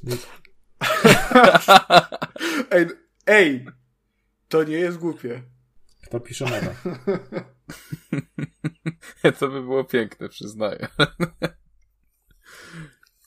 Oj, dobra. E, zamykając dział newsowy, powiemy o tym, że został zapowiedziany dodatek do Outriders, e, który będzie miał premierę, e, jeśli się nie mylę, to 30 czerwca, więc już za rogiem można powiedzieć. E, I ja, co prawda, w grę nie grałem, ale Konrad powiedział, że warto o tym powiedzieć, więc mówię. Będzie DLC Tak. z nową kampanią, Znaczy, będzie nowy endgame, będą nowe rzeczy, e, jakieś tam funkcje. Super. I to jest, to jest DLC Ma właśnie. jakiś tam fanów. To jest piękne DLC. To ma jakiś tam fanów. Więc e, dobrze, tym samym newsy uważam za zakończone i oddaję pałeczkę z dziką przyjemnością oczywiście Kubie, który opowie nam o indykach. Opowiem dzisiaj o dwóch indykach i oba są w sumie duże i głośne. I oba zadebiutują 5 maja. E, pierwszy to jest. Jestem pewny, że Po maturze. wszyscy. Po maturze były kremówki, a nie tam indyki. Cy, cy, cy, cy. E, Było wino jabłkowe. albo tak. To tak. To by się zgadzało. Wino, wino to było w trakcie. W trakcie matury, czy w trakcie Wszystko zależy od kremówek? rocznika. W trakcie matury, po, pomiędzy maturami. myśmy sobie między, czekaj, między chyba angielskim a polskim, żeśmy sobie na piwo jeszcze do parku poszli. Ale to Fajnie się pisało. Na ustnym, pomiędzy ustnym, co nie? Nie, to był pisa no, czas. jak mogłeś mieć dwie matury jednego dnia? Nie wiem, nie pamiętam. E, Czy ty tak no mówisz, to że sobie tak posze- poszedłeś sobie, Rozszerzenia są tego poszedłeś sobie na piwo i to tego piwo co- trwało trzy dni po prostu, bo pomiędzy Polską... No to to był, to, to był polski podstawowy i rozszerzony. Chociaż kurwa już w sumie nie pamiętam co to było. Jakąś maturę pisałem z czegoś, nie, wiem, nie wiem teraz. No dobrze, Błysło i była następna matura. wracamy do indyków. Pierwszy Trek to Yomi. E, słyszeli? Nie. Nie. Nie? O, O, to jest taki głośny, głośny tytuł, e, chyba dlatego, że po prostu wydaje to Devolver, e, a Devolver zawsze nakręca te swoje indyki. I to jest gra, której akcja rozgrywa się w feudalnej Japonii i ona jest niezwykle klimatyczna, bo to zaraz ci Kacper zarzuci, że chińskie bajki sprzedajesz, bo jest w Chinach. no, to, to, to nie są chińskie, to jest chyba przeciwieństwo chińskich bajek jednak. Ale my rozmawialiśmy przecież już o tym kiedyś. Że to jest takie mroczne, co się śmialiśmy, że Ghost of Tsushima, co mnie ojebaliście, bo ja powiedziałem, że to taka mniejsza gra. Wy, e, co mniejsza gra? To jest super, od polskiego studia, fajne, mroczne. Znaczy tam Nie- Flying nie, Wild Tylko polskie od Rzeszowskiego, Tak. ode mnie. Na, nad tym coś tam po- pomagają to tworzyć, bo autorem to też chyba jest ym, takim pie, pie, prawowitym Leonard Da Vinci. DiCaprio. E, Men, Menciari, no nie wiem, nie chcę, nie chcę tutaj kaleczyć, no, no jest jakiś pan, który ma na swoim koncie już kilka, kilka fajnych gier. E, No i ta gra urzeka przede wszystkim oprawą, bo to jest wszystko w czerni i bieli, to jest bardzo ładne, bardzo klimatyczne. To będzie taki akcyjniak, em, troszeczkę zrealizowany na modłę side-scrollowych platformówek, ale też ma być niezwykle filmowy i te przeryw- w przerywnikach ta kamera ma fajnie pracować. No i to, no, jak ktoś lubi taki klimat Japonii, to pewnie się tym zainteresuje, pewnie w to zagra. Nie powiedziałem, że pojawi się na PC-tach PlayStation 4, 5, e, Xboxie One e, i Xboxie Series XS. Także na wszystkim oprócz Switchu. E, tak by było w sumie krócej powiedzieć. Mm. No i kurczę, no i ja się nie mogę doczekać, aż sobie w to zagram. No nie wiem, jakiś czas temu dostaliśmy y, propozycję chyba ogrania jakiejś testowej wersji przedpremierowej, coś takiego. I jakieś miałem takie, takie, a, okej. Ale tak jakoś się, nie wiem, ostatnio bardziej na to, na to nakręciłem. Mam ochotę na te takie samurajskie pojedynki. Y, no. I ładne to jest. I to Ja tak, tak. Trailer tego widziałem, ale jakoś mnie w ogóle nie przekonała ta gra.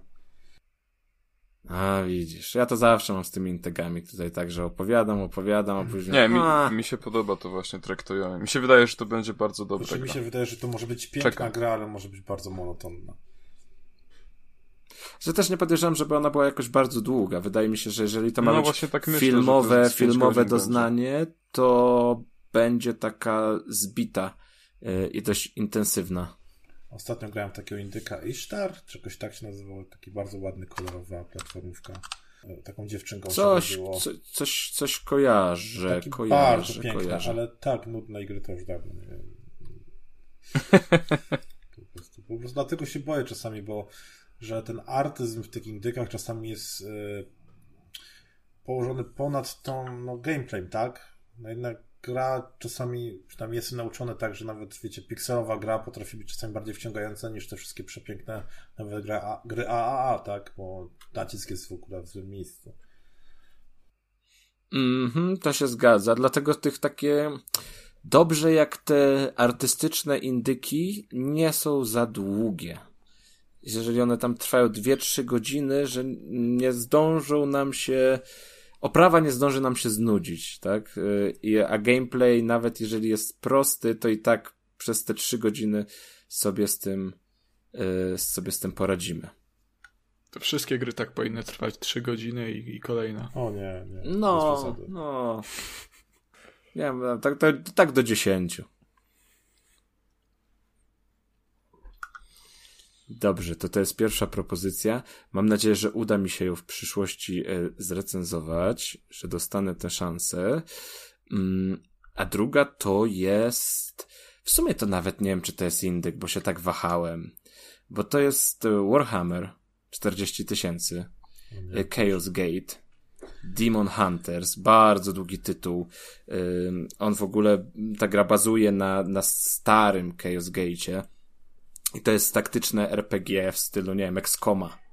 Czyli po prostu przejmiemy ym, dowodzenie nad oddziałem kosmicznych Marines i będziemy tam niszczyć demony, chaos i wszystko co złe. I wygląda to fajnie, no bo oczywiście jak są kosmiczni Marines, to oni zawsze wyglądają fajnie. Y, ma być dużo strzelania, dużo różnorodnego ekwipunku, będzie efektownie, będzie no wybuchy i lasery. Wszystko ma być. Slanesh. A czy można powiedzieć, że Warhammer 40 tysięcy Chaos Gate e, Demon Hunters to jest po prostu kolejny Warhammer 40 tysięcy? Eee... Bo ja mam wrażenie, że absolutnie wszystkie gry wydawane ostatnio w świecie Warhammera 40 tysięcy wyglądają absolutnie tak samo. Znaczy chodzi ci o gatunek? E, gatunek, ale też nawet wizualnie one są jakieś takie bardzo podobne. No bo to Warhammer 40 tysięcy, to Nie, wiesz... to jest oczywiste. e, Bo to wynika z No, czegoś. ale no dobrze, ale to nie chodzi mi, nie chodzi mi, wiesz, o od jakiś design postaci czy tych zb- zbroi, tylko te wszystkie gry, ich w roku wychodzi chyba z pięć co najmniej. No bo ta franczyza jest rozdawana dość, tak samo. dość, dość e, mm, ochoczo. No ale popatrz, ja nie wiem, bo nie wiem, czy graliście kiedyś Warhammera 40 tysięcy figurkowego w ogóle. To się z tego wzięło, jakby nie patrzeć, tak? To uniwersum bazuje na grze figurkowej i ten cały design, to wszystko, to już zostało opisane w tylu książkach, w głównych podręcznikach. Te wszystkie figurki są przygotowane, więc jest, ten sam klimat, to wszystko jest po prostu powtarzalne. To tak jak Alienie być mógł robić 5 gier w roku, one zawsze będą identyczne, bo mają bardzo e, niby rozległy świat, ale bardzo w jednym klimacie zrobione, tak? Bo Aliena też może rzucić na 30 tysięcy różnych planek, ale za każdym razem to będzie jakaś biedna baza ludzi, którzy go terraformują, albo jakiś tak dalej. E, Albo statek kosmiczny porzucony, on może mieć inny kształt. To samo jest w 40, tak? Ciągle ten sam konflikt, ciągle ci sami przeciwnicy, ciągle ten sam klimat. No, dlatego mnie Warhammer 40 trochę przytłacza, powiem szczerze. No, wiesz, ja, ja to rozumiem, nie, że to jest u, u, ustabilizowany to jest ustabilizowany y, jakiś świat, który, który został konkretnie zaprojektowany. Ja nie mam absolutnie problemu z designem. Ten design Warhammera y, mi się bardzo podoba. Y, ci Space Marini są, są super. Uwielbiam ich absolutnie, mimo że w figurkową grę nie grałem. E, natomiast czytałem parę książek z tego uniwersum. Mm, I to jest mega. E, Klimat też mi się super podoba. Natomiast chodzi mi jakby nie o, o sam, sam design, tylko o to, że te gry one wyglądają wszystkie tak, tak samo. Jak, jak słyszę do tego stopnia, że jak słyszę po prostu, że powstaje nowa gra z, w świecie Warhammera 40 tysięcy, to ja już wiem, że to będzie po prostu kolejna e, turowa strategia. No, No ale był ten że y, Inquisitor Martyr, to się chyba tak nazywało, i to był hack and slash. Na przykład. I no dobra, ale to jest podo- czy trochę podobne, nie? No, wizualnie przynajmniej. E, Ale to, to też jed- jedna gra na pierdyliard, nie? no, Ostatnio ale te, też przecież był też- duży też Dawn of ta War, gra- y, World, sorry, trójka. Y, No i to była Kiedy sto- on wyszedł? On wyszedł z 7 lat temu. Co ty to mówisz? To już 7 lat temu było? Jak ja pamiętam jak dziś, że ja to ja to recenzowałem. No, 5. 2017 Ojej, rok. to myślałem, że to jakoś było faktycznie. Faktycznie. Wiesz, ostatnio, os, ostatnio wychodzi masa tych gier z No ale też jest e, 40 Space Marines bardzo 2 podobnie wyglądają. zapowiedziane przecież i to będzie strzelanka. No i na to czekam. I wiesz, dlaczego? Ja, tego nie pojmuję. Dlaczego wszyscy upierają się na tworzeniu e, gier ta- taktyczno-strategicznych w tym świecie Warhammera 40 tysięcy? Łapie. Bo one są Taki był oryginał. łatwiejsze do zrobienia i tańsze przez studia niezależne, panie Konradzie. No dobrze, ale można, nie wiem, zrobić jakieś coś jak jakiegoś fajnego, nie wiem, narracyjnego indyka nawet. Co- Coś innego, coś świeżego w tym, No. w tym świecie. No ja bym bardzo tego chciał, bo tak, no to jednak jest takie zmęczenie materiału i każda kolejna gra to jest takie po prostu... Nie wiesz, co licencja znowu. mówi. E, ale No też nie wiem, no owszem. wiesz, No, chyba jest fani już- jednak są okej z tym. Ci zagorzali fani uniwersum, że dostają to samo ciągle i ciągle e, i im to pasuje. Jestem ciekaw, jak te gry się sprzedają. Bo mam wrażenie, że No to, to, jest, to jest też inna kwestia, no bo każda, każda gra to jest inne studio też i inna jakość, więc... Czekaj, wydaje mi się, że w zeszłym roku była jedna strzelanka z uniwersum Warhammera, ale oczywiście teraz mam już wyłączony VPN i nie jestem w stanie z tego zgooglować. Był, była, było takie latadełko z orkami w roli głównej. Mm. Flyboys ono się chyba nazywało, to był na, na konsolę i na PC. A jeszcze coś chyba było jakiś czas temu mobilek. Gothic Armada? Jakoś Tak, ale to była się? No to strategia. też już dawno. strategia chyba, że statkami się z, z, z 40 latało, tak? No, coś, coś, coś takiego. Battlefield Gothic Armada, tak? Battlefield, nie Battlefield. To jest O, 2016 była jeszcze w rok. zeszłym Dwójka roku była w była- 19. Nie wiem, Necromu- Necromunda, Necromanda, Hired To Gun. samo. O, Zasada no to- ta to- sama. No bo to macie to samo wszystko opisane, zresztą system e, taki jak właśnie w latanie z setkami, to jest osobny system do Warhammera 40, tak? I też można kupić modele i w ten sposób to e, zło, zrobić. Ja się, ja się właśnie najbardziej cieszę na, to, na takie gry jak, jak ta Necromunda, jak ten Space Marines, e, jak e, to Flyboys. Turówek nie lubisz, panie Konrad, po prostu. Ten, nie, to wiesz, trochę nie, ale to nawet nie o to chodzi, nie? Tylko e, świat Warhammera 40 tysięcy jest na tyle ciekawym światem i na tyle rozległym światem, że tam można powiedzieć wiele intrygujących historii, tak mi się wydaje, i pokazać wiele różnych rzeczy, e, a trochę, no cały czas mam wrażenie, że wałkujemy to samo. nie no, bo według mnie w świecie Warhammera 40 tysięcy właśnie nie masz za wiele do pokazania. On jest opisany, ale zawsze akcja się toczy tak naprawdę na froncie, tak? I No ale, ale nie musi, właśnie o to mi chodzi, że nie musi się zawsze toczyć na Ale froncie. tak jest tak system, sko- Można system pogłębiać ten świat. Tak, ale to już musi mieć jakiś akt twórczy do tego i naprawdę się wysilić. No, no to o tym mówię, to wiesz, to mnie nie interesuje, czy oni się muszą wysilić, czy nie. Ja bym chciał, żeby oni się wysilali, bo ja nie chcę, żeby oni mi po prostu, no masz, rzu- rzucili ochłap, że zrobili.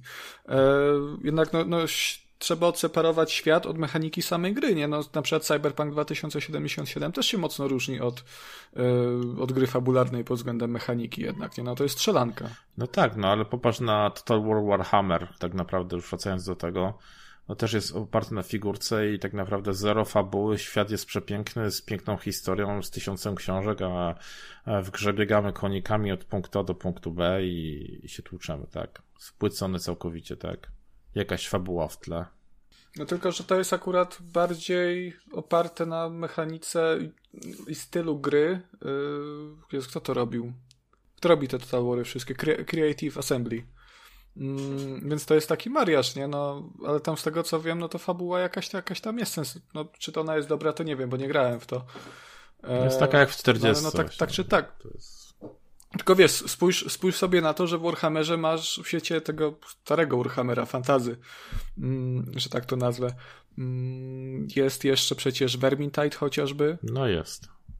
No to też, też inna, inna gra, nie? E, Ale tu Chociaż też była tak taka jak myślę, jak 40, wspomniałem była taka, że się szło Marinesami i się y, rozwalało dokładnie w ten sam sposób. To ten Space No. Marine właśnie i teraz tak jak wspomniałem o Vermintide, to przecież jest tworzony przez twórców Vermintide'a y, Darktide. I to ma być odpowiednik Vermintide'a w świecie Warhammera 40 Na tysięcy. krótko mówiąc, nie ma żadnej przygodówki, tak? Nie ma, żad... Znaczy, to, nie, nie ma nic takiego RPG, albo coś takiego, co Ak- akcy- mogło akcyjniaka takiego chyba byś chciał, tak, Konrad? Takiego liniowego troszkę jo, akcyjniaczka no. takiego? znaczy, mógłby być liniowy akcyjniak, ale jakiegoś takiego RPG bardziej też bym chętnie przyjął, nawet jakąś głupią. Kocie, przestań! Oj, przestanę. Jakąś głupią. jakąś głupią, e, głupią. No nie głupią, no, ale, ale jakąś przygodówkę bym nawet, nawet przyjął, czy, e, czy coś w ten deseń. No, te, myślę, że tu można poeksperymentować z, z różnymi Wydaje mi się, że To ja jest za powiem mała, tak. żeby to się opłacało. Jak mi ten Demon ale w ten, Hunters... ale w ten sposób byśmy społeczność, wiesz, rozszerzali, nie? Jednak. No właśnie miałem mówić, że ja na przykład, to też mogę się w końcu odezwać, bo e, ja Nie totalnie możesz, nie, nie, siedzę w temacie nie, Warhammera. nie. A no to nie, dobra, to przepraszam. ja totalnie nie siedzę w świecie Warhammera i jak kiedyś, jak widziałem gdzieś te, te gry, to mnie właśnie to ciekawiło. Wyglądało dosyć ciekawie. Chciałem to sprawdzić, ale szczerze powiem, że mnie na przykład właśnie to, że te gry są piekielnie wtórne i mówię to jako osoba, która całkowicie nie zna tego uniwersum i nie grała w ani jedną grę, to właśnie nie mam ochoty w nie grać, z tego względu, że co chwilę słyszę, że wychodzi nowy Warhammer i on cały czas wygląda praktycznie tak samo i ja, dla mnie to jest y, jakaś, ja to obserwuję jako dziwną markę, która jest takim w kółko odgrzewanym kotletem. On już jest taki spleśniały strasznie, ale wiecznie go wrzucają i tak do tej mikrofalówki. I ja na przykład nie widzę totalnie żadnego powodu, żebym miał po Warhammera sięgnąć, bo chociaż to jest marka, o której się dużo słyszy, to właśnie według mnie to jest bardzo negatywne. Z mojej przynajmniej mówię perspektywy, nie? Ja na, mówię, no totalnie pomijam wszystkie. Jak widzę Warhammer, to już automatycznie po prostu to skipuję w głowie. Że problematyczne jest to, bo w całym tym zalewie tych wszystkich y, taktycznych Warhammerów, y, w tym morzu tej przeciętności, mo, mogą zaginąć naprawdę fajne perełki, nie? No bo jednak jeżeli wchodzi w to osoba nowa, która nie, może nie siedzi w grach, ale chciałaby pograć jakiegoś Warhammera, e, no taki Kacper powiedzmy, nie? No on siedzi w grach, ale w Warhammerach nie siedzi i w grach Warhammera nie siedzi no to jak widzi pierdyliard tysięcy tytułów, które wyszły na, na przestrzeni ostatnich kilku lat z nazwą Warhammer 40 tysięcy i innymi różnymi podtytułami, których jest 15, e, no to skąd on ma wiedzieć, która gra jest dobra i którą powinien się zainteresować? Wszystko to zlewa się w jedno, on potem wybierze jaki, jakiegoś kasztana i się zrazi całkowicie do marki. No tak, więc ja uważam, że też tutaj jakby powinien lecieć jakiś bardziej ambitny projekt, który właśnie byłby w stanie do tej serii zachęcić takich graczy, którzy nie mieli z nią styczności, bo to, że rynek jest mały, to też nie jest wytłumaczenie na to, że oni jakby cały czas wypluwają odtwórcze strategie, no bo to nie sprawi, że będzie lepiej, wręcz przeciwnie uważam właśnie. No to... to... nawet, nawet nie do serii, nie? no bo bardziej mi chodzi o zainteresowanie ludzi samą marką i światem, nie? no myślę, że nawet e... kto to, kto to tworzy? Games Workshop? Mhm. Oni mają dąży, licencję. Nie? No, no to myślę, że dla nich to by mogło być korzystne, bo no, Kacper by se pograł, zajarałby się światem, a potem by chciał może w tę grę figurkową pograć. No ale właśnie, musi popatrzeć sobie, oni mają takie licencje, na przykład na swoje turnieje, że można grać tylko ich figurkami pomalowanych według ich wzorów i tak dalej, tak dalej, czyli wszystko musi być od linijki. No to też samo może dotyczyć się gier, e, że oni bardzo sobie działają o hermetyczność tego swojego środowiska, Mam takie stare podejście. Ja mam kolegów, którzy dużo w to grają, to oni kupują figurki już poza tym, bo są dużo tańsze te bez licencji, ale wtedy nie mogą brać udziału w oficjalnych turniejach. No i tak samo jak podejdziesz do gry, to może tam jest licencji, że oni nie mogą wyjść poza to, co jest w książkach opisane, e, albo łamać niektórych zasad. E, I koniec kropka, tak? To ma być, e, im pasuje ich zamknięty świat, ich dopuszczeni tam użytkownicy czy klienci i, i koniec, tak? Przez to jest tanio, na przykład licencja jest tania, ale niestety ma wiele obwarowań, tak? No i mi się licencja nie podoba wtedy, no.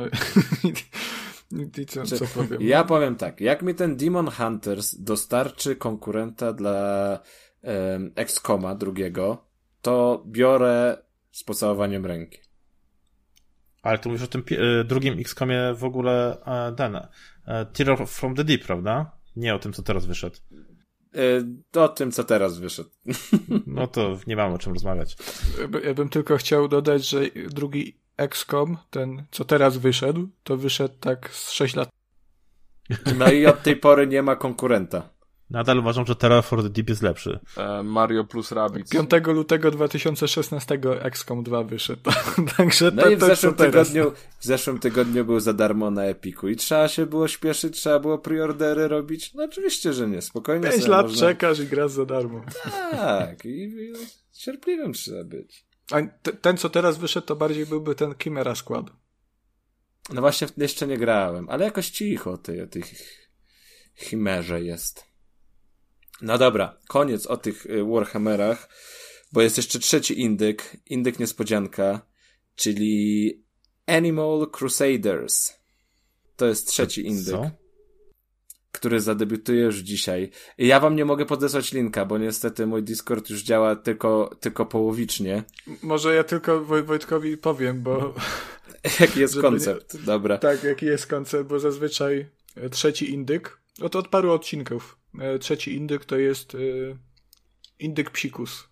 Aha. Czyli to coś, co Kuba wyszukuje z takich kompletnych czeluści Steama, co kompletnie, wiesz, jest po prostu fatalne jakoś. Tak, ja czasem muszę wolne z pracy bardziej. wziąć, żeby takiego indyka znaleźć przez cały co dzień. Co bierzesz przed tym? Bo tak zastanawiam się. A i co bierzesz On... po tym? On nam już, już, już sprzedawał ten symulator kaktusa, także nie jest źle. Animal Crusaders wygląda jak dobra gra przy tym. Nawet wygląda jak dobra gra przy tym, co ostatnio. Ta gra wygląda, ta gra wygląda dla mnie na trailerach jak gra, w której kompletnie nic nie działa. Ja, ja patrzyłem ja patrzyłem na to wideo i ja nie miałem pojęcia o co tam chodzi. Te zwierzątka, które są ubrane w jakieś zbroje, miecze i tarcze, one się uderzają, ale tam nikt nie ginie. Czasem ktoś się wywróci i umrze, czasem ktoś gdzieś spadnie, tam się coś dzieje, jakieś rzeczy, ale mam wrażenie, że to kompletnie nie działa tak, jak powinno działać. No, to Dla jest... mnie to wygląda jak trochę taki projekt na pierwszym roku studiów e, na informatyce, wiesz, masz kółko informatyczne Unity i zrobisz coś takiego, nie? I tak, a chuj, wrzucimy na Steama, nie? Zobaczymy. Ale co to wiecie, będzie. co się boję, że dzisiaj rzekomo ma być premiera tej gry, ale ciągle Znowu nie ma... Jak to w ogóle brzmi, nie? Premiera takiej gry w ogóle. Ciągle nie ma ceny i ciągle nie ma jakby możliwości zakupu, także obawiam się, że ona się może dzisiaj nie pokazać. Eee... Będzie jak John of Arc. Co by było wielką stratą Ej, dla całego przemysłu gamingowego. Ej, Kuba, Joan of Arc chyba zniknęła ze Steama w ogóle. Ojej, ojej. E, czy wy rozpoznajecie, jakie są zwierzątka w tym Animal Crusaders? czy to jest kotek? To jest One wszystkie wyglądają jak koty. Aha. A, a jednak w tytule... Smok jest jeszcze. Smok? No. Gdzie jest smok? No ale w trailerze wlatuje nagle z dupy. Czekaj, wyślę ci zdjęcie. A, nie, no dobra, dobra. Czy wiem, czy to są no trochę chyba takie jakby manekineko, nie? Coś takiego. Takie... Co to jest? Nie wiem. Co to jest manekineko? Czemu? No te kotki machające łapką. Swoją drogą ten smok wygląda jak ja coś na kacu zostawiam za sobą. Ojej. Nie. Znaczy powiem wam Nawet tak. kolor się ja bym, ja bym się z wami ja bym się z wami chętnie w tę grę zmierzył, bo ona jest dla czterech graczy. I to jest taki, taki no takie chyba nastawiona jest na PvP tam, wydaje akurat mi się. dzisiaj na odcinek, tylko wiem, żeby wyszło. Nie wiem, nie wiem, czy mi pójdzie. Ja nie wiem. Ej, bo mimo, że nie pójść, bo to wymaga te, tego, nie RTX-a, GTX-a 1060, także... Uuu, to nie są, nie są tanie rzeczy. Ja mam 1050. Co to mało miejsca na dysku? Co się chwali? Bo od razu mi się przypomina właśnie najnowszy Warhammer Total. Ten, e, total, ten, e, że trzeba było czekać 40 minut, żeby gra się odpaliła. Znaczy, no, myślę, że ten Total Warhammer to jest jednak troszkę bardziej wymagająca gra niż Animal Crusaders, jednak tak sądząc po, po Nie grałeś, nie grałeś, to nie wiesz, nie dawaj osądów takich wczesnych. Nie wiem, nie wiem. Wiecie, kwestia optymalizacji. Nie oceniaj książki po okładce. No dobrze, to tyle Dobra. ode mnie, tyle z indyków na dzisiaj. E, czujcie się zachęceni, a teraz zapraszam pana Konrada. Na co mnie zapraszasz? No nie wiem, ty przed chwilą do mnie mówiłeś kociaku, to... Oj, kocie, kocie. Yy, dobrze, to otwieramy segmenty recenzji i opowiem dzisiaj jako, jako taki wstęp o Tiny Tina's Wonderlands. Możecie pamiętać z ostatniego odcinka, że już o tej grze opowiadałem, więc dlaczego chcę o niej opowiadać jeszcze raz? A to dlatego, że dosyć niespodziewanie y, w zeszłym tygodniu zapowiedziano mm, pierwsze z czterech rozszerzeń, które są zawarte w Season Passie i to rozszerzenie się pojawiło wczoraj o 18.30, więc ja niewiele myśląc, tak sobie odpaliłem je. No bo tak sobie, jednak pomyślałem trochę, że no, jutro nagrywam odcinek, także zepnę się i spróbuję to przejść, tak żebyśmy byli wszyscy na bieżąco, najnowsze newsy, aktualności, wiadomo, disco, ten trójkast, wasze okno na świat, giereczkowy.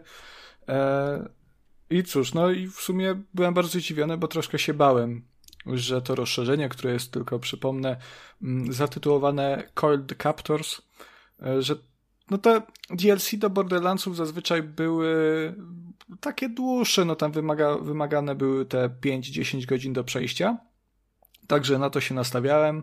E, przygotowałem sobie monsterki, e, Rockter Energy, Red Bulle, kawkę, chrupsy. Myślałem, będę cisnął całą noc, żeby się spiąć i, i przejść na odcinek.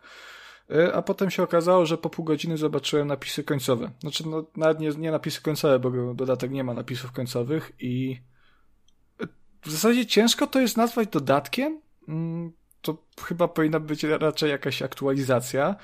E, bo w zasadzie co to dodaje, to jest jeden taki rogalikowy dungeon, do którego mm, trafiamy, przechodzimy przez kilka poziomów e, z prostymi zadaniami do wykonania i na końcu jest boss. Zabijamy bossa, dodatek się kończy tak naprawdę. E, no i jakieś tam do endgame'u. Mm, jeżeli słuchaliście poprzedniego odcinka, to mówiłem, że endgame w, w Wonderlandsach wygląda tak, że dostajemy dostęp do takich krypt chaosu e, i tam są, są pewne dodatki, jakieś nawet pomieszczenia. Takie pierdoły, które mnie tak średnio interesowały. Ja chciałem jakąś taką fajną kampanię z tym bossem.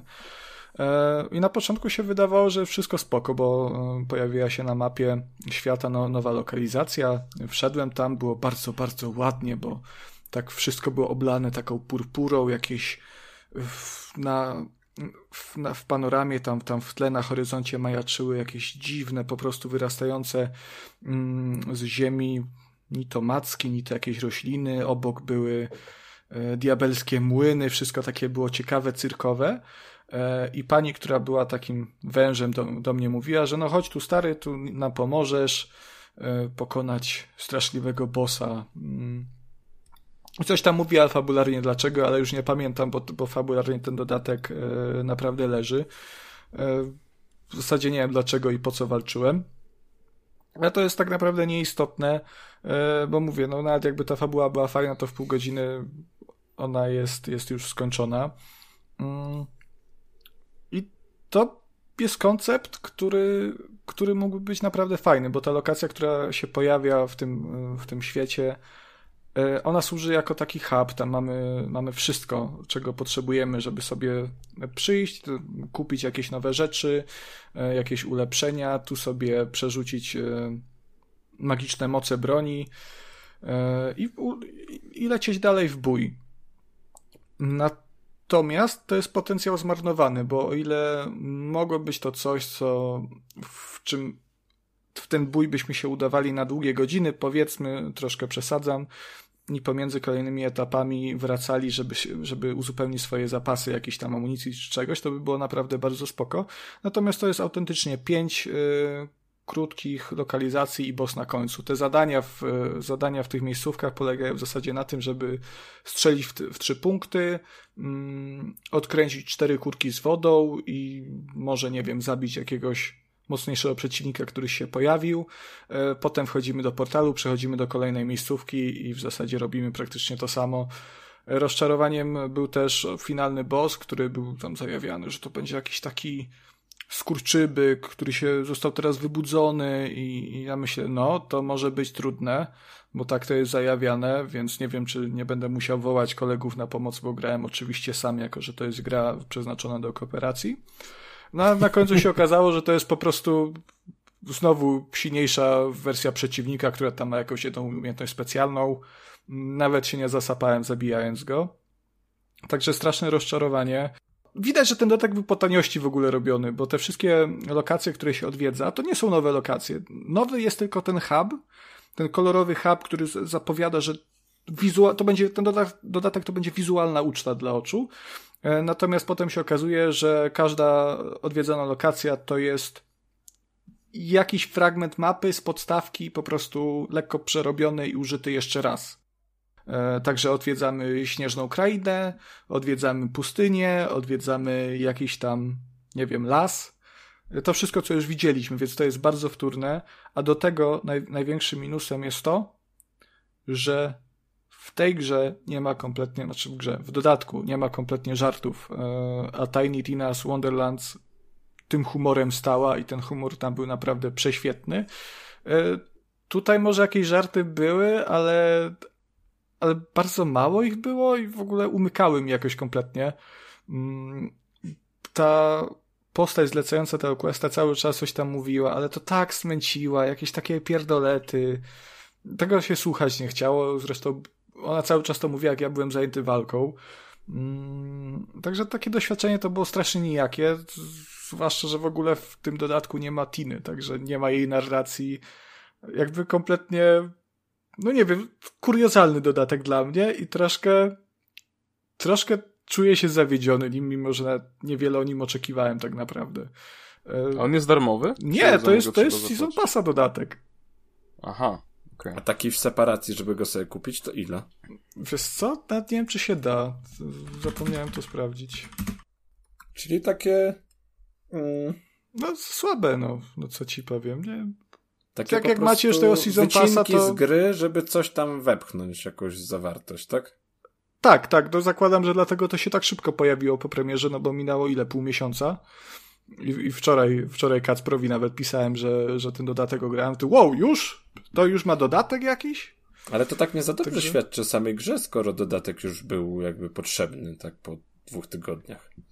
Znaczy, wiesz co, e, to jest tak jak mówiłem, ta, ta gra troszkę nie ma endgame'u e, i ten dodatek poniekąd to naprawia, e, ale... Na pół godziny. No na pół godziny, no i plus te, te krypty chaosu, które tam się odwiedza, także to jest też e, to jest też jakaś wartość dodana, no jeżeli to lubicie, no ale dalej to jest tak no tak średnio bym powiedział, no. A duża różnica była w cenie podstawowej Tiny i Tiny z Season Passem? Mm, 120 zł? Jakoś tak. A gdzieś, wiesz, może Nieco ile jeszcze dodatków nie, macie? Czekaj, 80. Patrzę teraz na Epika i podstawka to jest 249 i Chaotic Great Edition, czyli ta moja, to jest 329 zł. Mhm. A tam gdzieś było powiedziane, ile dodatków ma się ukazać na przestrzeni? Y, cztery mają być, tak. Y, okej, okay, mam cenę i sam dodatek kosztuje 42 zł i w moim odczuciu to, co on dodaje do gry, to tych 402 zł nie jest absolutnie warte. No ja ci tylko życzę, żeby te przyszłe dodatki były trochę większe. No jak nie, to 4, 2 godziny zabawy ekstra za 80 zł. Nie no, za 125. Chyba, że tą edycję się kupi, nie? No ja mam tyle to szczęście, że y, Tinę dostałem do recenzji już w tej edycji y, z Season Passem. Także dlatego tak się chciałem spiąć na ten odcinek.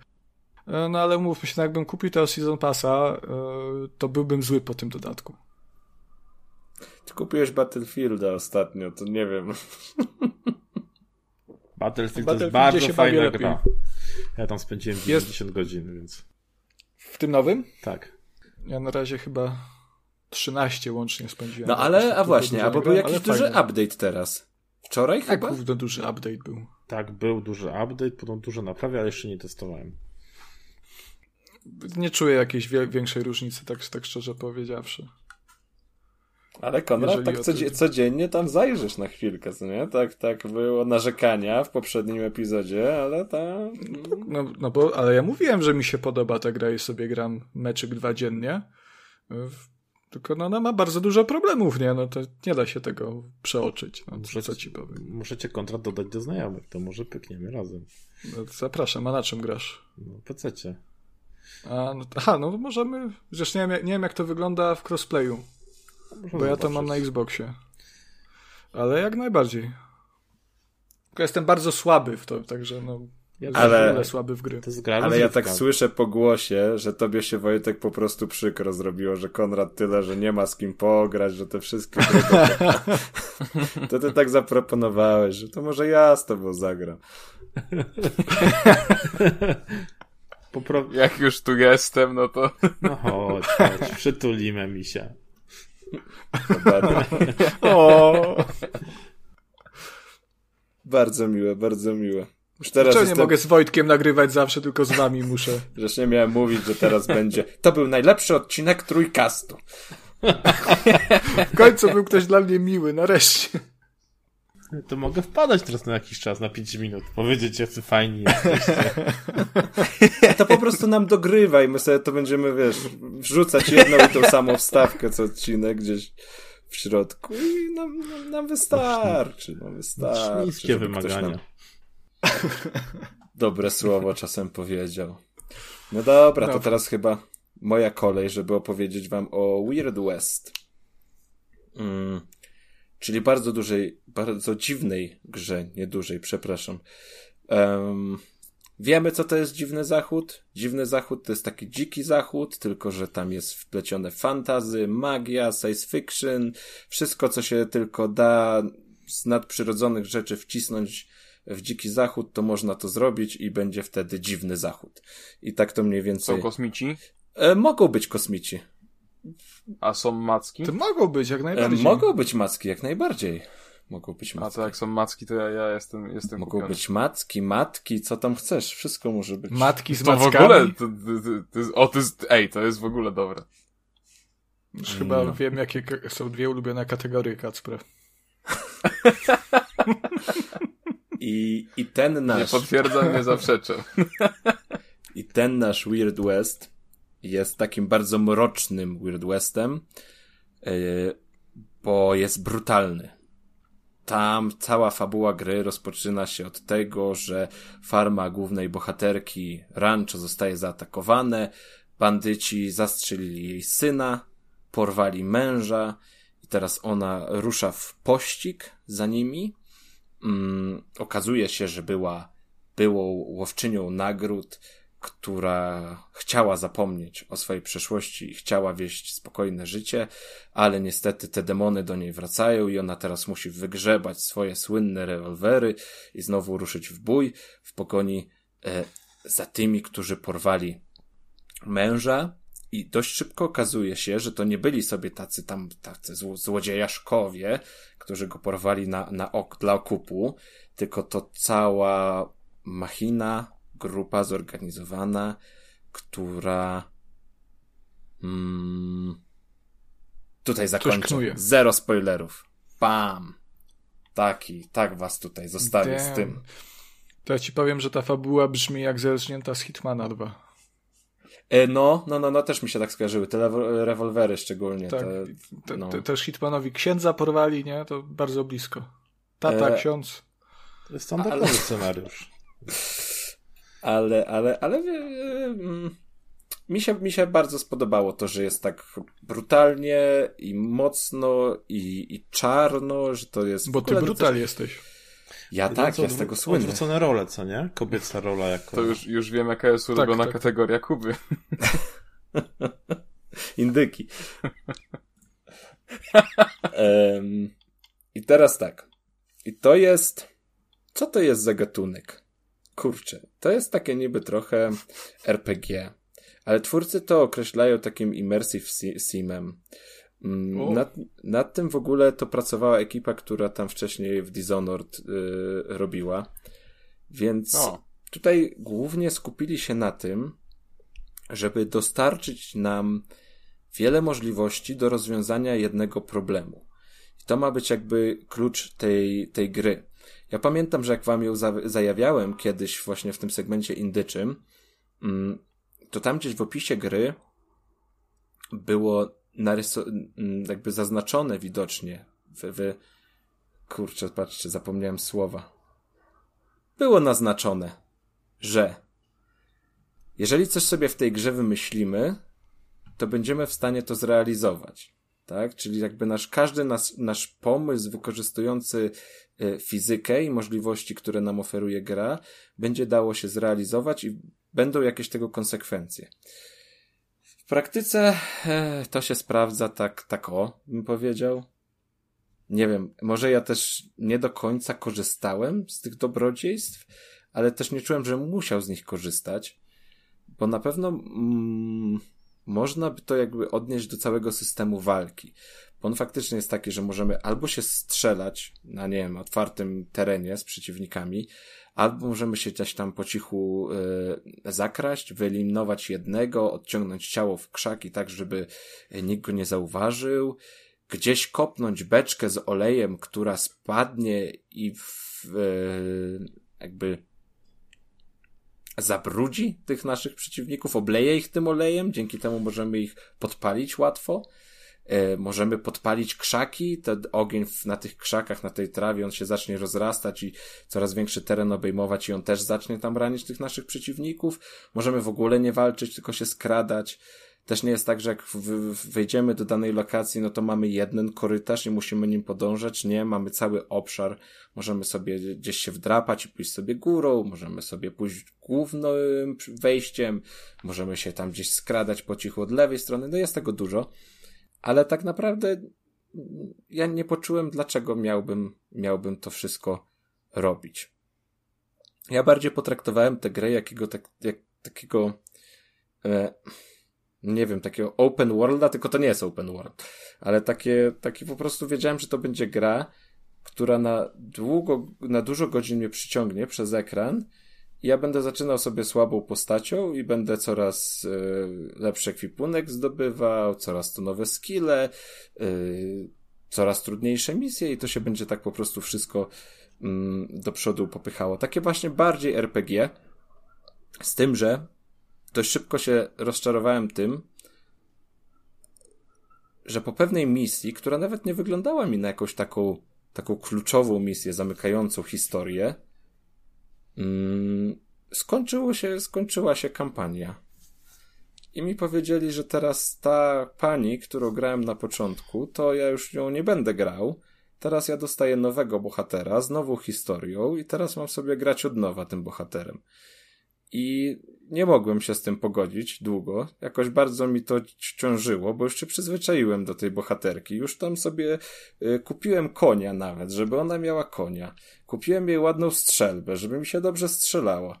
Teraz oni mi to wszystko zabrali i musiałem zaczynać od nowa. Y, no i się okazało, że mogę sobie wcielić tego poprzedniego bohatera do drużyny i będę miał dwóch, ale jednak głównym bohaterem jest ten kolejny. To według niego się teraz kręci historia i według, wokół niego kręci się fabuła. I po tym drugim jest jeszcze trzeci, czwarty i piąty, czyli łącznie kampania jest podzielona na pięciu bohaterów, pięć osobnych historii, które mają wspólny motyw główny i kręcą się jakby wokół jednej osi. Mm. Także to jest takie, no nie wiem, do mnie nie przemawia, chociaż podejrzewam, że wielu osobom może się podobać ale też pomimo tego, że te postacie są inne, one są dość specyficzne, bo mamy tą panią, która była łowczynią nagród. E, jako drugi bohater będzie taki świniolud, czyli taki, taka, tak, taki, taka humanoidalna świnia, tylko że ta rasa nie jest w ogóle jakby akceptowana w tym świecie, czyli jak wejdziemy sobie do miasta, to mogą zacząć w nas strzelać po prostu, czyli będziemy takim odludkiem trochę. E, Później był, jeśli dobrze pamiętam, no jeszcze na pewno był wilkołak, na pewno był pan Indianin i pani taka czarodziejka, powiedzmy. Mm, z księżycem. No, tak możemy ją określić, tam parająca się, się magią. Więc te postacie są różne, chociaż gameplay jest w sumie dla nich bardzo, bardzo podobny, bo i tak używają podobnych broni, yy, jakby mają no trzon rozgrywki jest taki sam. Mają inne umiejętności, ale z tych umiejętności też tak nie do końca się korzysta, bo nie ma ku temu potrzeby. W ogóle byłem bardzo zawiedziony y, systemem rozwoju postaci, bo on jest dziwny, on opiera się na, na znajdźkach i tutaj też właśnie miałem problem z tym, żeby nazywać tę grę e, RPG-iem, bo tutaj nie mamy paska doświadczenia, który się tam napełnia e, po każdej misji czy po każdym zabitym wyrogu, tylko są znajdźki. Y, są dwa rodzaje znajdziek. Jedne to są złote karty. I te złote karty są jeszcze, jeszcze, one są na swój sposób ciekawe, bo one pozwalają nam odblokować umiejętności pasywne, które są wspólne dla wszystkich bohaterów. Czyli jeżeli poświęciłem więcej czasu pierwszej postaci, to jakiś tam z tego profit wyniosłem, koniec końców. Y, a te drugie są takim typowym mm, punktami umiejętności, które dodajemy do naszego drzewka, czyli możemy sobie odblokować, nie wiem, szybsze strzelanie, możemy sobie odblokować dodatkowy przewrót, powiedzmy, czy jakiegoś tam dasza. To są takie rzeczy już czysto y, akcyjne. No i to tak, tak, tak, tak średnio się y, sprawdza, jeśli mam być szczery, bo ja ciągle miałem ten problem, że nie, nie chciało mi się wczuwać w bohatera, wiedząc, że zaraz będę musiał skończyć z nim, kończyć yy, rozgrywkę daną postacią. Czyli po co mam tracić, nie wiem, trzy dodatkowe godziny na odblokowanie kolejnych umiejętności, jeśli za dwie godziny będę musiał porzucić tego bohatera. No dla mnie to się nie trzyma kupy i chyba nie wiem, nie wiem, czy ja jestem dziwny, czy to tak też macie podobnie. Już mnie zastanawia, czy to przeszedłeś do końca w ogóle. Tak, tak, tak, tak, tak. I nie ma na końcu takiego plus twista, że jednak te wszystkie pięć postaci mają coś wspólnego ze sobą. Ej, ja, ja, da, da, da, da. A, no właśnie, bo to taki typowy, typowy scenariusz Tarantino, tak? tak? Coś w tym stylu, że niby nic ze sobą nie mają wspólnego, różne historie, a na końcu jest jakiś taki twist, że to Znaczy nie, to wiesz, to nawet, mm, to nawet nie będzie spoiler, jeśli teraz powiem, że one są ze sobą y, powiązana, ta historia, bo każda z postaci odkrywa na swojej szyi znamie. Tak, czyli to, to jest takie, to jest znamie takie, jak się krową y, y, wypalało, taki znak, mhm. taki, y, taka marka, tak, nie wiem, jak to się fachowo Znakowało się bydło kiedyś. No. Tak, tak, tak, takie coś. Także to już wiemy, że coś tam jest na rzeczy. ale też, hmm, jakby. Wiesz, bo kwestia jest tego, będzie. czy się do takiej gry, bo wiesz, ja czasami się nastawiam, że chcę wiedzieć, jakie jest końcowe rozwiązanie tego wszystkiego, więc nie interesują mnie poszczególne postacie, bo interesuje mnie zakończenie, tak? Czyli całość tych historii, jak zostanie złożona z kawałków. No, a ty podeszłeś tak jakby personalnie do pierwszej postaci, później następnych. No i według mnie, no to jest spoko odczucie, bo tak też można podejść do gry, no ale niektóre tak naprawdę właśnie ta końcówka, no mówię, dla mnie na przykład zaskoczeniem w, w tym już dzisiaj wspominam milion razy cyberpunku jest jedno takie zakończenie, gdzie możesz i zakończyć całą rozgrywkę, więc yy, też jest w ogóle, wiesz, nagle znikąd i właśnie pytanie, czy też niektóre gry nie są po to stworzone, żeby na końcu czymś nas zaskoczyć i dopiero wtedy ta cała historia nabiera rumieńców i sensu mówisz, o, to było to. Nudziłem się, trochę męczyłem się, ale na końcu mi zostało to wynagrodzone. Ale to jest poczucie? chyba to jest trochę złe podejście do tworzenia historii, tak się wtrącę tylko. E, chyba, że przez całą, cały czas trwania danej opowieści, no jest to w jakiś sposób sygnalizowane, że coś jest na rzeczy. Pytam, Tutaj było sygnalizowane, było. tylko jeżeli chodzi o końcówkę, nie chcę, chcę unikać spoilerów. Ona nie jest jakaś taka. No, no nie opadnie nam szczęka. E, ale rzecz, którą robi, to podsumuje nasze działania jakby wspólnie dla tych pięciu postaci. Czyli zostaniemy rozliczeni na koniec gry z wszystkich naszych akcji wspólnie. Czyli nie będzie tak jakby po zakończeniu każdego rozdziału wyświetli nam się plansza z akcjami, jakie podjęliśmy i wyborami, jakich dokonaliśmy, bo ta gra też stawia na to duży nacisk, daje nam dużą swobodę, jeśli chodzi o, o decyzję i wybór ścieżki i o to, jak się zachowamy. Mm, I każda postać zostanie tak podsumowana na koniec. No i też już po tym głównym wątku fabularnym, po zakończeniu, zostaniemy z tego rozliczeni, w takim, no nie wiem, ja to lubię. Dostajemy takie plansze jakby z wydarzeniami, co się wydarzyło później, tak? Ta, ta, tej postaci przytrafiło się to i to. Tutaj wydarzyło się to i to. W tamtym obszarze nasze działania miały taki taki skutek. I to jest fajne, dlatego warto się tak, no, pilnować w trakcie, albo nie pilnować. Nie wiem, ja tak gram, że ja z nas z natury jestem dobry w grach, ale myślę, że tutaj też spokojnie sobie możemy grać tego złego i też rezultat może być ciekawy na koniec.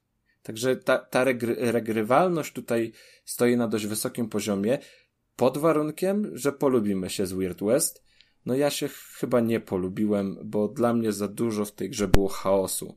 E, mamy skradanie niby, wspominałem, że jest, ale jest takie przeciętne, nie ma tam nic spektakularnego.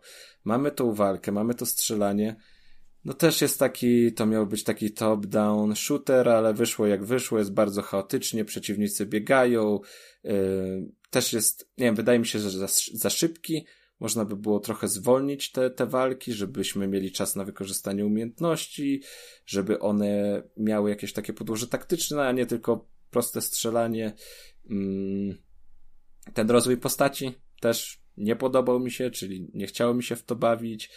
Jeśli chodzi o jakąś eksplorację, zbieranie gratów, sprzedawanie, kupowanie nowych, tego też jest mało. Ja nie wiem, ja wiecznie miałem przepełniony ekwipunek. Mi się nie chciało tego zbierać, nie chciało mi się gnać do miasta, nie chciało mi się sprzedawać, żeby tam uzbierać na jakąś epicką strzelbę, bo, bo też nie czułem potrzeby, żeby ją mieć, bo mogłem zwykłym, szarym przedmiotem sobie świetnie radziłem.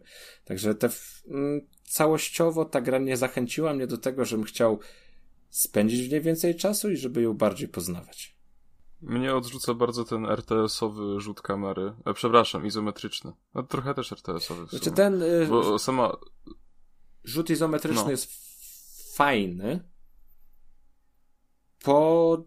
Y, ma jeden minus, że czasami kamera zawodzi bo nie daje nam takiego okay. fajnego wglądu, jakby w co się dzieje dalej przed naszymi oczami. To mi trochę brakowało tego. Można sobie przybliżyć, oddalić, ale nie możemy tej kamery tak jakby pochylić bardziej, za, żeby widzieć z pleców e, postaci. To mi trochę przeszkadzało. E, no, perspektywa czasem może płatać figle przy jakimś skakaniu, czy coś takiego, że ten dystans może być ciężko oszacować, ale nie wiem, ten y, też ładnie wygląda ten cel shading jest ładny. Tak, w ogóle sama grafika jest świetna. Ja lubię taki styl, tak jak było w e, tym, Boże, Gunslinger pod tytuł. Przypomnijcie mi. Call of Juarez? Call of Juarez, tak. E, albo właśnie takie lubisz. trochę trochę borderlandsowe. Nie, chodzi mi o to, że lubię, lubię tego typu grafikę właśnie. Co prawda ona, ona, ona na dłuższą metę męczy, ale tak jako czasami właśnie gra przerywnik, to bardzo, bardzo fajnie. Czemu na dłuższą metę męczy?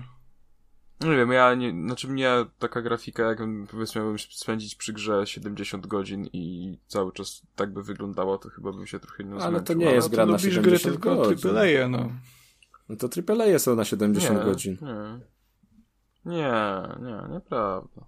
Nie, mi tutaj jest ciężko oszacować czas, który spędziłem z Weird West, bo e, no jak już przejąłem stery nad drugą postacią, to już tak sobie trochę darowałem questy poboczne i tam jakieś dodatkowe zlecenia, no bo po prostu nie chciałem mi się tego robić, bo i po co? Dodatkowe pieniądze nie są mi potrzebne, e, zdobywanie jakiejś tam wyższej reputacji też nie jest mi potrzebne, bo dlaczego ma mi zależeć na zniżce u sprzedawcy? No, nie widzę dlatego wszystkiego głębszego sensu.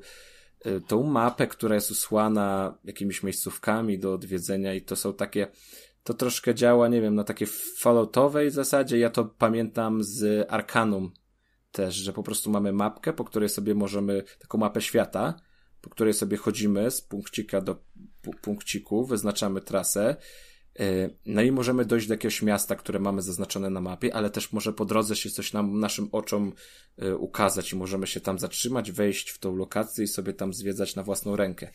Mm. I ja to lubię, ale tutaj nie chciało mi się tego robić, bo też przepełniony ekwipunek wiecznie, mm, śmiecie do zbierania, niefajne przedmioty. No, jak sobie przypomnę takie jakieś jedno zadanie, gdzie mm, w piwnicy, już wyczyściłem piwnicę z przeciwników i była taka skrzynia, charakterystyczna skrzynia, no widać, że tam będzie jakiś skarb. E, ale, ale nie miałem wytrychów. Więc teraz wrócić się, chciałem kupić wytrychy ale była noc, czyli sklepy zamknięte. Czyli muszę udać się do e, salonu, tak? To się tak nazywa, żeby było profesjonalne. Salon. Salon. salon. Ym...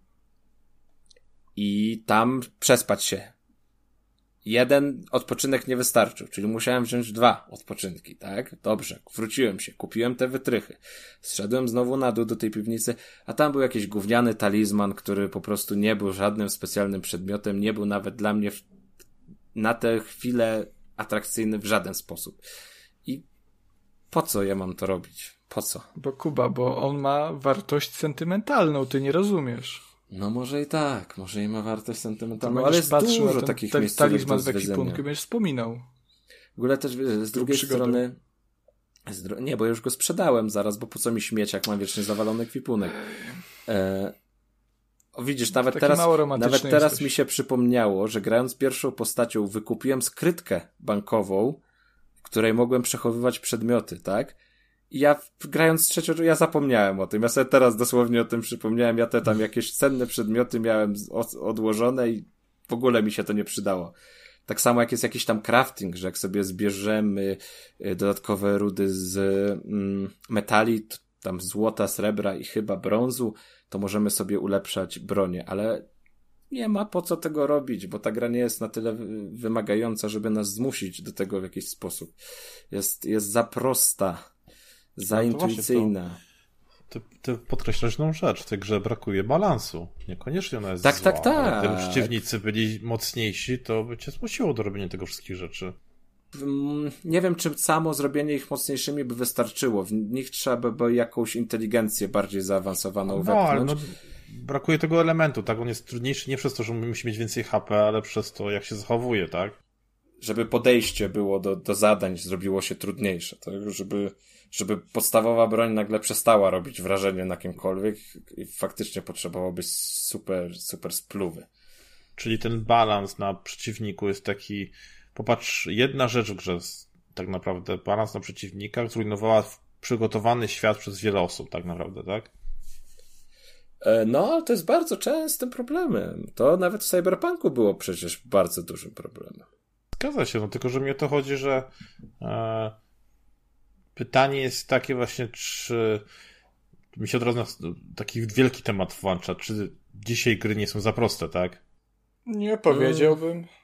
Zależy jaka gra też, nie? No nie mówię o Soulsach, które z założenia są po to, żeby ci złoić tyłek, no ale cała reszta, tak?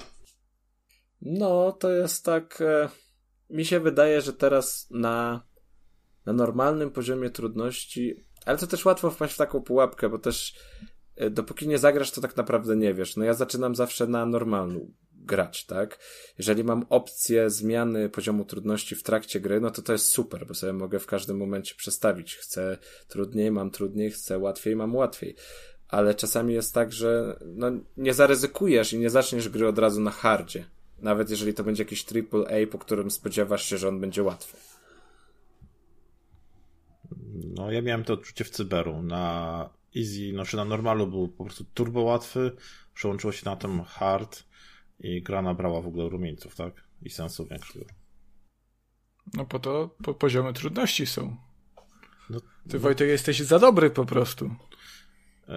Nie, no chodzi o to, że y, gra, czyli grywalizacja, no to ma być jakaś cokolwiek, jakiekolwiek wyzwanie. To znaczy, powiem, jedyną grą, którą włączyłem w trybie fabularnym, to był Wiedźmin 3, bo mi się naprawdę nie chciało tam naprawdę machać tym mieczem. Interesowała mi fabuła, bo to był clue tej całej rozgrywki e, i może to nie mój rodzaj gry, e, no, ale przeważnie grałem po to, żeby się zmierzyć z czymś, tak? No takie ja mam przyjął odczucie od tylu lat, tak? To ma być jakiś Czy to zależy chyba od. To chyba zależy bardziej od, od preferencji każdego gracza. E, Bo na przykład u nas Ka- Kacper gra raczej na easy, żeby się zrelaksować przy grze, aniżeli żeby przy czymś rywalizować. E, Ja osobiście głównie gram dla, dla fabuły, mm, więc czasami też włączam na easy, jak mi się nie chce. E, Także też nie można tak tego generalizować. Jednak, jednak rynek gier i, i odbiorcy bardzo się zmienili, więc mm, te gry mainstreamowe, że tak to nazwę, mm, starające się uderzyć w jak najszersze grono odbiorców, pewnie będą nieco łatwiejsze niż, e, niż to, co było kiedyś, aczkolwiek mm, no tutaj wchodzą te poziomy trudności i właśnie to jest fajne, że każdy może sobie wybrać e, taki poziom, jaki mu najbardziej odpowiada. Mm, Też no, chciałbym zwrócić uwagę na to, że kiedyś te poziomy trudności, y, jeżeli cofniemy się o te dwa, no 20 już nie, ale tak 30 lat temu, one też były dość sztucznie y, zwiększane. Przeważnie w tych star, najstarszych grach, które ja pamiętam, to ich nie było, tak? Po prostu gra z założenia była po pewnym levelu na tyle trudna, że była twoim wyzwaniem, tak? Czy no o tym, o tym mówię, że, że to, ten poziom trudności wówczas był, był no sztucznie podbijany. Bo to też były gry często, które swój początek miały na automatach, które same w sobie też były bardzo krótkie, nie? Więc sposobem na to, żeby przedłużyć czas rozgrywki było zwiększanie poziomu trudności. No, Raczej gry tego, żeby więcej tak- pieniędzy zrobić, tak? No bo to, to było też, no, celem. też. Czy, czy żeby zachęcić gracza do kupna, no bo jak ktoś kupi grę za e, il- 60 dolarów to i ona trwa godzinę, dwie, no to potem nie będzie miał ochoty kupić kolejnej, nie? Tak to te, ci ludzie siedzieli przy tych, przy tych sprzętach i kupowali. No, Myślę o tej grze, która, o której Kuba mówi, bo opowiada bardzo fajnie, wygląda na ciekawą, z jakimś fajnym zakończeniem nawet, ale gdyby właśnie wiedział, że ma zacząć od hard i musiał się trochę więcej napocić, to może ten, ta końcówka tej fabuły przyniosłaby mu więcej satysfakcji i ta recenzja nie brzmiałaby tak negatywnie, tak? A przytłoczony Mm, Znaczy, tą wydaje mi się, łatwością, Nie chcę teraz skłamać, ale naprawdę nie pamiętam, czy był wybór poziomu trudności w tej grze. Mm, To raz. A dwa, wydaje mi się, że nawet jeśli by był, to i tak problemem jest tutaj sztuczna inteligencja, więc dopakowanie na hard wydaje mi się, że nie zrobiłoby jakby tych przeciwników mądrzejszymi, oni mogliby się stać trudniejsi, bo mogliby, nie wiem, lepiej strzelać, mocniej strzelać i mieć więcej ale szybciej życia, cię widzieć ale na jednak... przykład, tak? Szybciej reagować, już byś się musiał lepiej skradać na przykład. To nie musi być jakaś turbo super inteligencja i się zbiegać szybciej. No to takie proste zabiegi widziałem w grach. Ale w tej grze jest jednak naprawdę duży chaos. To jest, to jest to jest taki chaos, jak tam jak w mieście rozpoczniesz strzelaninę, nawet jeżeli cię tam bandyci gdzieś dopadną, bo też jest taki fajny, to jest, bardzo mi się to podoba. Załóżmy, że w, jedne, w jednej lokacji yy, się strzelasz z wrogiem, ale jeden ucieka gdzieś tam i on ci wypowiada w patrz, vendettę, tak? To się tak mówi? Mhm. Yy, I teraz sobie nieświadomy jesteś w mieście, nagle on się zbiega, tak? I dopadł cię. I się zaczynacie strzelać w tym mieście. I kurczę, tam gdzieś jest szeryf, tutaj są cywile i jest taki chaos, że nie ma opcji, żebyś kogoś przypadkiem nie zastrzelił. To jest po prostu, nie da się nad tym zapanować. Tylko, że no, ty, ty ponosisz konsekwencje z tego tytułu, że zastrzelisz cywila, a, a bandyci nie. No to tak w normalnym życiu jest. No, bandyta ponosi konsekwencje jak ginie, tak? Albo jak go jeżeli zostanie złapany. No, na dzikim zachodzie to też ginął tak naprawdę. Tylko, że jak, mnie, jak oni mnie atakowali, to ja nie byłem w tym momencie bandytą. Ja byłem tym, wiesz, No tak, zaatakowanym. no. Ja tylko chciałem to Oczywiście, mówię, ja że... zawsze, zawsze jestem tym naj, najlepszym. Nigdy nie jestem bandytą. Bo Kuba, bo oni, cię at- bo oni cię atakowali, bo oni obejrzeli raport mniejszości. I oni wiedzieli, że ty się staniesz bandytą. Mhm. Czyli przeciwdziałali. Mhm. Prewencja. Czyli wy, wybrali mniejsze zło. Wybrali dobro. I ja tak, powiem tak. Weird West to nie jest zła gra, bo tam jest sporo dobrego. Ona jest też często aktualizowana. Sporo poprawek już tam widziałem, które gdzieś zostały wprowadzone, szczególnie w interfejsie. Także to jest do wypracowania w jakimś stopniu.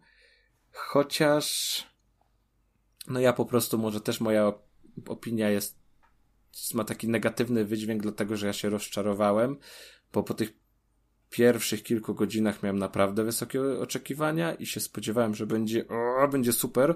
Nawet od razu tam, nie wiem, dwie godzinki minęły, już pobiegłem na Twittera zachwalać tę grę, ale później gdzieś ten entuzjazm opadł i troszkę się zrobiła z tego wydmuszka i trochę mi zabrakło tego balansu, o- czym wspominałeś i żeby to było takie, takie, no, spójniejsze. Ta, ta chęć zrobienia tej gry bardzo otwartej na wszystko, yy, no, była takim trochę przekleństwem, bo nie zapanowali nad tym, nie udźwignęli tego, nie poprowadzili tego po właściwych torach i to się tak wszystko troszkę rozlało niepotrzebnie.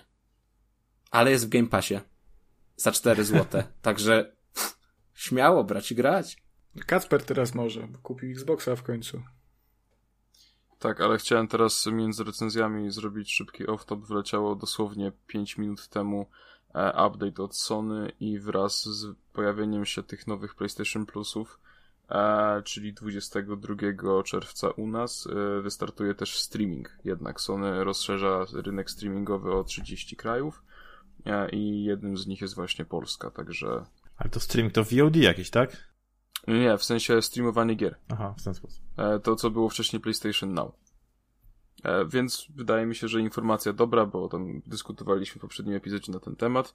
E, no i dostajemy usługę pełną, można powiedzieć. Już nie będzie nas obejmował ten dodatkowy plan dla krajów bez streamingu, tylko po prostu dostajemy wreszcie ten wyczekiwany przez, przez tylu graczy streaming. Także fajnie. To też oczywiście pozwoli grać w ekskluzywy na, na PC-tach, nie? No to, to tam e, pewnie w, jeśli o to chodzi, to będzie delikatnie bardziej zawiłe, ale no tak czy siak dobrze, że ten streaming u nas rusza. To jest świetna informacja.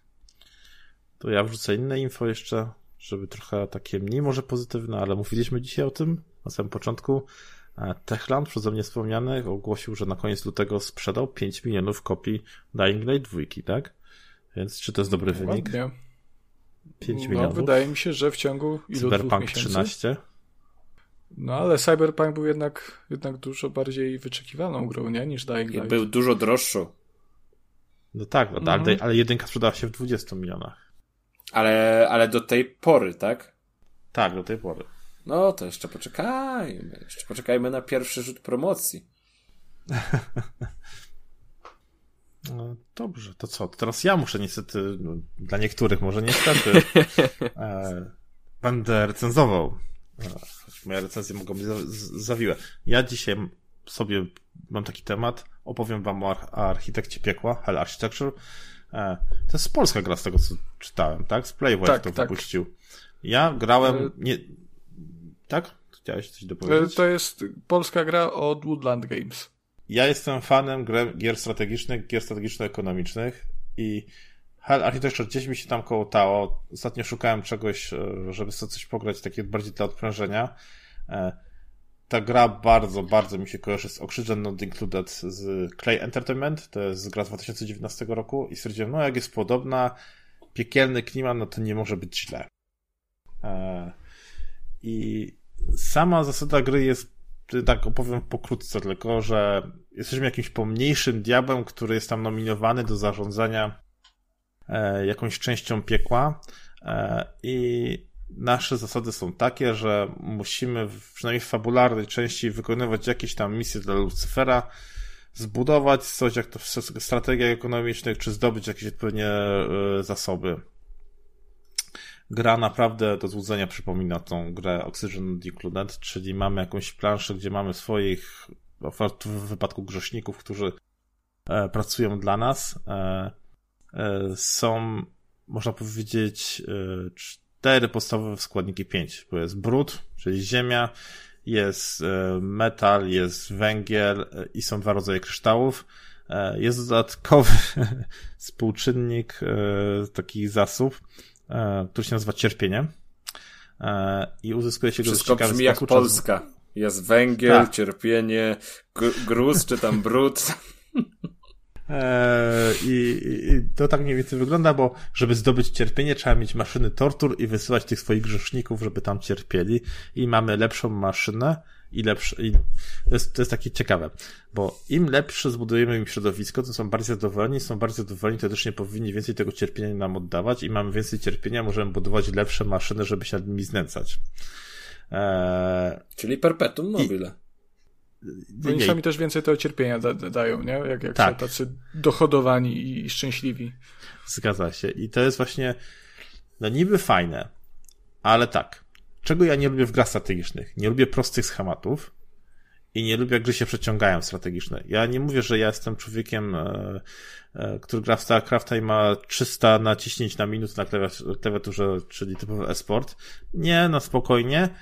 Ale tutaj na przyspieszeniu grając, doszedłem do takiego momentu, że musiałem no zebrać tego cierpienia ponad 2000 punktów, co powodowało, że 10 minut patrzałem się na grę, tak?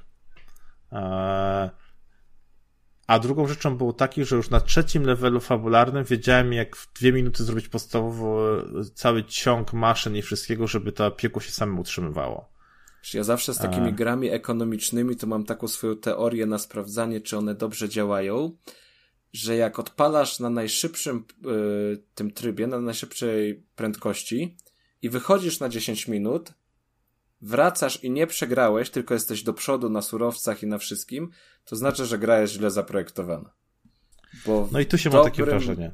W dobrym ekonomiku jednak powin, powinna cię ta gra no każda decyzja powinna mieć znaczenie, tak, którą i nie ma tak, że sobie teraz jest, e, sobie obserwujesz po prostu, jak ci się rozrasta królestwo, tylko cały czas trzeba nad nim pracować i cały czas powin, powinieneś mieć coś do zrobienia i nie ma tak, że o teraz chcę zarobić 10 tysięcy, to po prostu będę czekał, patrzył w ekran, aż się tam kasa sama nabije. No to tu nie masz wyjścia, bo ja, ja w to też grałem, ja to recenzowałem e, w zeszłym roku dla GamerWeba. E, I to jest w zasadzie gra w czekanie. Czekasz, aż ci się odpowiednia no właśnie, liczba dusz nabije. No. Brakuje jakby e, jakichś glasowych zdarzeń, e, jakiegoś e, wyzwania czegokolwiek, no ale chciałbym to porównać do Oxygen Not Decluded, bo Tamta gra opiera się na troszkę innym schemacie, nie jest to piekło, tylko jakaś asteroida, gdzie mamy swoich tam klonów i budujemy bazę i zasadnością jest to, żeby się stamtąd wyrwać. E, gra jest tam tak wciągająca, tyle rzeczy ekonomicznych, gdzie jej zachwiań potrafi być, że po prostu wciąga na x godzin od razu, tak? I e, ta gra, architekt, ten piekła, po kilku poprawkach mógłby być bardzo podobny. A mam wrażenie, że po prostu komuś się w pewnym momencie nie chciało. Pomysł był zacny, e, nawet grafika mógłbym powiedzieć, że jest na jakimś tam ok poziomie, bo te, od gier ekonomiczno-strategicznych nie wymagamy niczego więcej. To mam tak wrażenie, że wrzucili klocki i stwierdzili, e, działa to działa i więcej już nie musimy nic robić, tak? Że e, w gra strategiczna, czyli nawet e, E, rozmieszczenie maszyn, e, robienie tych połączeń, komunikację w ogóle nie ma żadnego wpływu. E, gra, którą teoretycznie do maszyn przypisujemy osoby, czyli tych swoich grzeszników, ale przypisują się randomowo, czyli nie mam żadnego wyboru na to. Wiecie, taka gra wykastrowana maksymalnie jak dla mnie i e, szkoda mi tego, że mam następne wrażenie, że gra z tego Playwave, jak powiedzieć, no to jest dystrybutor, nie, to jest wydawca, tak? To jest wydawca. Mhm. Eee, następna gra, która jest po prostu niedokończona. I nie wiem, jak wy macie, bo grałem jeszcze w taką jedną grę ostatnio. Mm, to też już jakaś starsza gra. Eee, gdzieś się schron buduje, taką przetrwaniu. Eee. Jakoś... Też czekaj, czekaj, czekaj. Wydaje mi się, że też to recenzowałem. Eee, czekaj, Jezus. E, ja to recenzowałem. w domu się zaczyna e, takim gościem. To jest fabuła w ogóle i tak dalej. Czekaj, niech wejdę na Steama. E, powiem, że to recenzowałem. Wiem, Mr. Prepper to chyba jest. Tak. tak, i następna gra, która tam też grałem w tym, mam takie wrażenie, brakuje jakichś połączeń. I tu mam dokładnie to samo poczucie. I ty nawet dzisiaj mi powiedzieliście, że to już jest wersja 2.0, że to tam jest jakieś duże poprawki i że powinno być lepiej. Szczerze, że grałem pierwszy raz. Fakt faktem, że jeszcze wracam do tej gry, nie wiem dlaczego, nie wiem, może dlatego, że lubię tego typu gry i po prostu chcę sprawdzić coś więcej, eee, ale właśnie jest takie czekanie, więc też właśnie mogę ją zrzucić na to na 10 minut, porobić coś tego i wrócić do niej i o, już mam to, co chciałem, to teraz zobaczę, jak wyglądają nowe maszyny tortur, tak? Eee, no, wydaje mi się, że eee, zmarnowany potencjał. No ta gra ma coś w sobie i w odpowiedni, przy odpowiednim dawkowaniu ona może być całkiem przyjemna, nie jaka, jakaś wybitnie, ale, ale całkiem przyjemna, bo ten, ten klimat jest fajny, humor jest, jest, jest całkiem niezły, e, to, że tam spotykamy tych różnych super grzeszników, czyli na przykład jakiegoś Fidel, Fidel Castro do nas przychodzi, Dalai Lama, papież Polak, prawda? To, to jest super. Mm, Natomiast, no, jak ja to musiałem wcisnąć w kilka dni do recenzji, to ja myślałem, że ja się przy tej grze po prostu potnę, e, bo konkretne plansze mo można rozgrywać około godziny nawet, a to jest w zasadzie czekanie, aż się naładuje ten, ta liczba mm, odpowiednich punktów, żeby wybudować coś konkretnego, żeby zbudować jakiś pomnik. E, no i to jest jakaś masakra, ale chciałbym się jeszcze dowiedzieć, e, no bo tak jak mówiliśmy, pod koniec zeszłego roku, jakoś chyba w grudniu, e, Hell Architect otrzymał wersję 2.0, mm, która miała poprawiać balans, jakieś tam drobne błędy. Z tego, co mówisz, to już wiem, że jakoś bardzo dużo się tam nie zmieniło. Natomiast jestem ciekaw, czy poprawiono w końcu sztuczną inteligencję, bo ona w tej pierwotnej wersji była po prostu fatalna. I na przykład bywało notorycznie tak, że ci grzesznicy, mm, mimo że ja im nakazałem tam, żeby coś tam zaczęli kopać, jakieś kryształy wydobyli, to oni po prostu stwierdzali, że nie, ja tu teraz stoję, e, no i musiałem kombinować, jak zmusić ich do tego, żeby ruszyć. I to nie było tak, że to, to, to była mechanika gry, że grzesznicy odmawiają posłuszeństwa, po prostu oni nagle przestawali, jakby sztuczna inteligencja im się wyłączała. Czy, czy teraz dalej jest coś takiego, czy to już poprawiono? Nie, nie zauważyłem tego. Jedynym, co jest taką rzeczą, że jak zaznaczysz wiele obszarów do kopania, to robią to totalnie randomowo. Potrafią biegać z jednego końca do drugiego koniec mhm. planszy i e, tam są priorytety, e, jak w innych grach i to czasami działa, choć widziałem, że rzeczy priorytetowe e, też przez jakiś czas potrafią sobie olać, tak? Że tak. te ścieżki, no brakuje w tym, no brakuje właśnie też takiego właśnie elementu zarządzania, tam wszystko jest losowe i przypadkowe, tak? To jest, też mi się to nie podobało wtedy, bo wolałbym móc coś jak na przykład, nie w Dungeon Keeperze, e, że mógłbym wziąć losowego grzesznika, bo tych grzeszników można przenosić, z tego tak, co tak. pamiętam. Tak, można. E, ale, ale nie można ich przypisać, jakby nie można ich przenieść do konkret, konkretnej rzeczy i kazać im robić to dokładnie, tylko e, kolejkuje im się rzeczy do roboty, poprzez priorytetowanie w skali od 1 do, do 10. I to jest tak upierdliwe, bo to nigdy nie działa praktycznie. No, na przykład Oxygen The Included jest e, tak samo jak chyba w Rimie, że możesz na przykład stwierdzić, że ty będziesz specjalistą w kopaniu, to on zawsze będzie miał te rzeczy z kopaniem spriorytetyzowane, będziesz szedł do nich jako pierwszy na przykład. Ty będziesz do gotowania i tym podobne rzeczy. Tu troszkę to inaczej jest rozwiązane, ale tak mówię, bazowali według mnie na tej grze, bo to jest zbyt podobne do siebie i to nie jest nic złego. Pomysł był naprawdę bardzo fajny i zacny, ale wykonanie, no, aż mi trudno powiedzieć, ale takie polskie. Jak wszystko u nas. A powiedzcie mi, no nie, no tak? to tak nie można powiedzieć, myślę, bo Polska, jeżeli chodzi o gry, to już od lat stoi na bardzo wysokim poziomie. Chyba, że mowa o Playwayu i pierdeliardzie symulatorów, które wypuszczają na rynek każdego roku. No to ostatnio nie mamy e... dobrej pasy, bo chyba Dying Light był to tylko dobrą grą, chociaż też spotkał się z krytyką, tak? A to przez Włochów. Jeszcze chciałem podpytać, czy ten, ten architekt piekła, czy to nie jest mm, gra troszkę taka skrojona na mobilne urządzenie, czy ona by się nie sprawdziła? Bo ona brzmi trochę jak taki prosty, niezbyt angażujący zabijacz czasu. Nie, nie, nie, nie, nie. nie. Ten, to nie jest ten rodzaj gry, dobra. Spójrz nie, nie. sobie na, zdję na zdjęcia, ci podeślę linka do mojej recenzji. Spójrz nie, sobie na to, zdjęcia. To, to już mam ten. E, no to dobrze, spójrz sobie na zdjęcia, spójrz sobie na interfejs. No, ale nawet nie wiem, jak patrzę na takie mm, screeny, to mi się trochę kojarzą z takimi grami, z, nie wiem, z przeglądarek, trochę tak to wygląda. E, no to, to ta gra wygląda jak fleszówka, nie? No, no nie, no styl graficzny jest, jest taki proste. banalnie prosty, no ale ten, ale tak. wydaje mi się, żebyś nie wyklikał tego na ekranie za Tak, bardzo. tak. Na mobilkach ten interfejs to by była padaka, bo on może się wydawać na zdjęciach, że on jest spoko, bo tam masz tak, takie kafelki, nie? Więc no, jeden kafelek sobie tam klikasz i przesuwasz, tylko zważy na to, że jak na PC grasz zazwyczaj w rozdzielczości 1080p, więc te kafelki są dosyć drobne, to jak na małym swoim telefoniku yy, na tym ekranie tam, nie wiem, siedmio Sam masz mały telefonik. No bo zimno jest dzisiaj.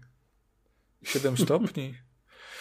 Yy, to wiesz, na, na małym ekranie telefonu te kafelki to albo by były tak małe, że nie dałbyś rady ich kliknąć, albo by musiały być tak duże, że nie widziałbyś absolutnie nic, co się dzieje w grze.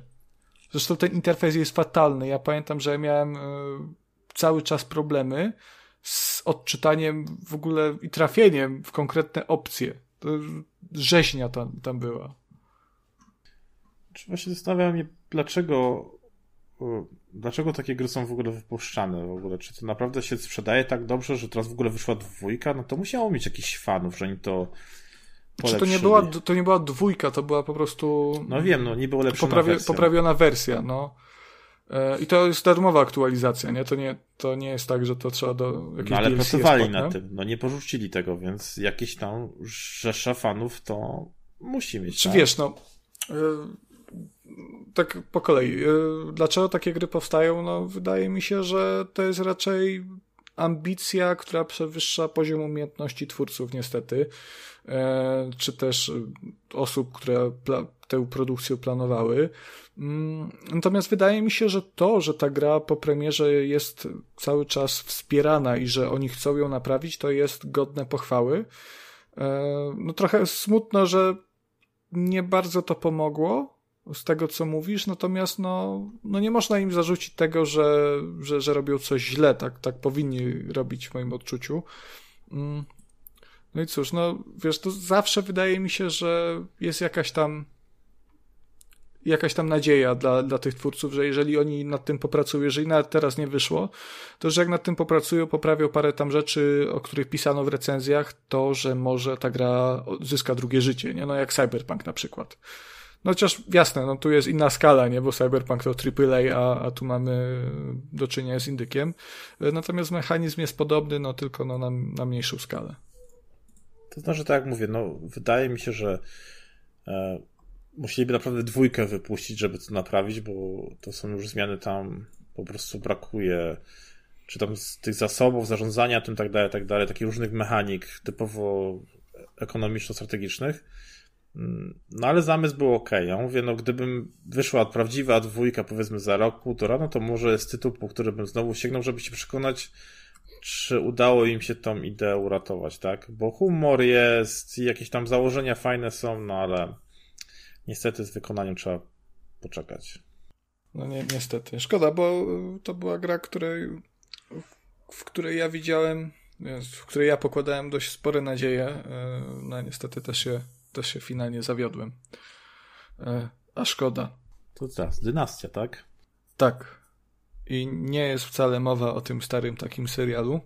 No ja bardzo miałem ochotę podjąć się recenzji tej gry, ale jak zobaczyłem interfejs, to powiedziałem, o nie, tam, tam można przepaść.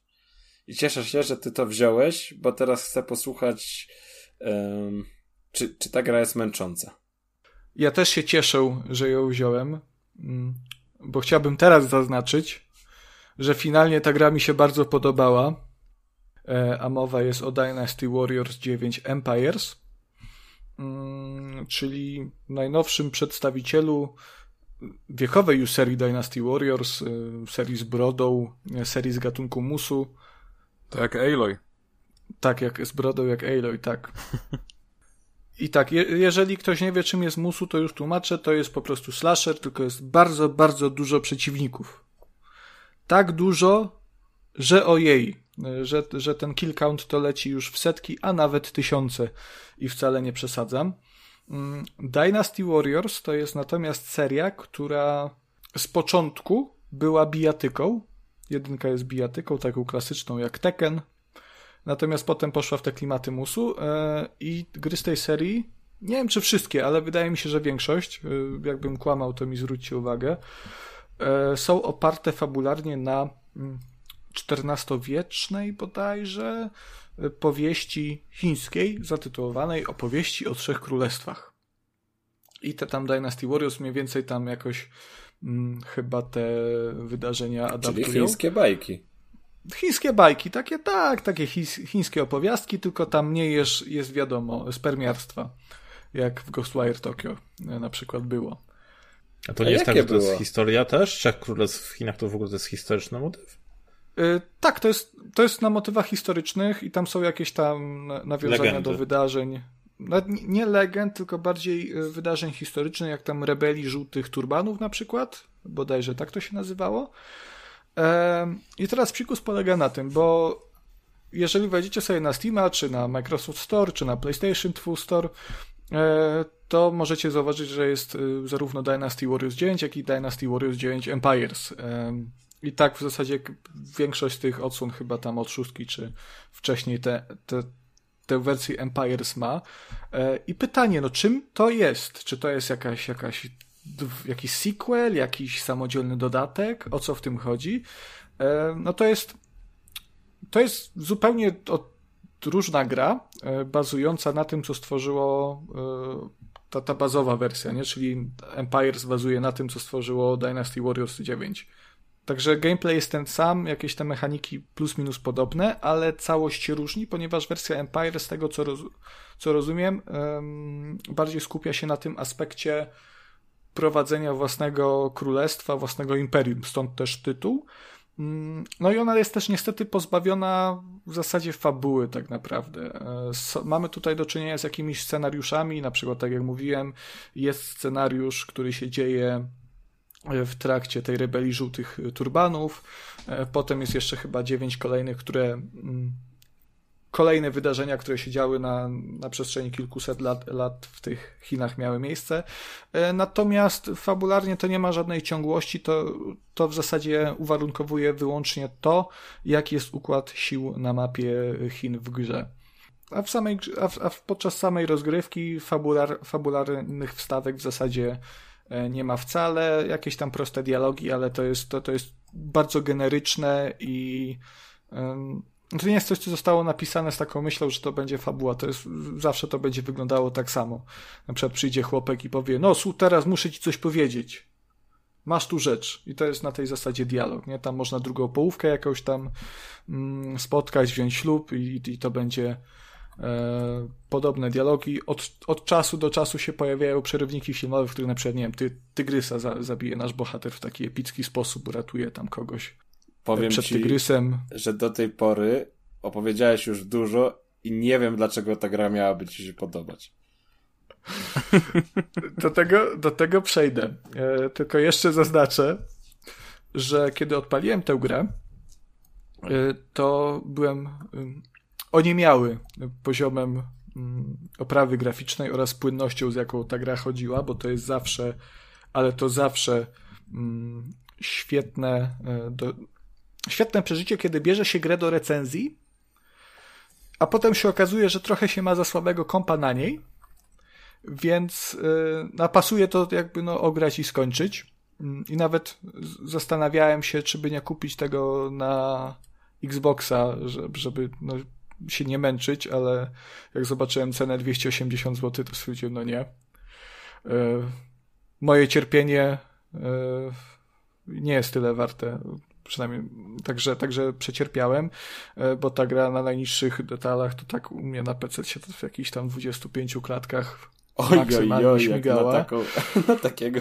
także dlatego ja się śmiałem, że, że ta gra działała u mnie jak gra z PlayStation 2, bo tak wyglądała, odpalona na PlayStation 1, bo, to, bo, bo mój komputer klatkowo nie, nie domagał. Ale to strasznie e... nieprzyjemne musiało być grać w takim e, niskim klatkarzu w grze, w grę, w której się tyle dzieje.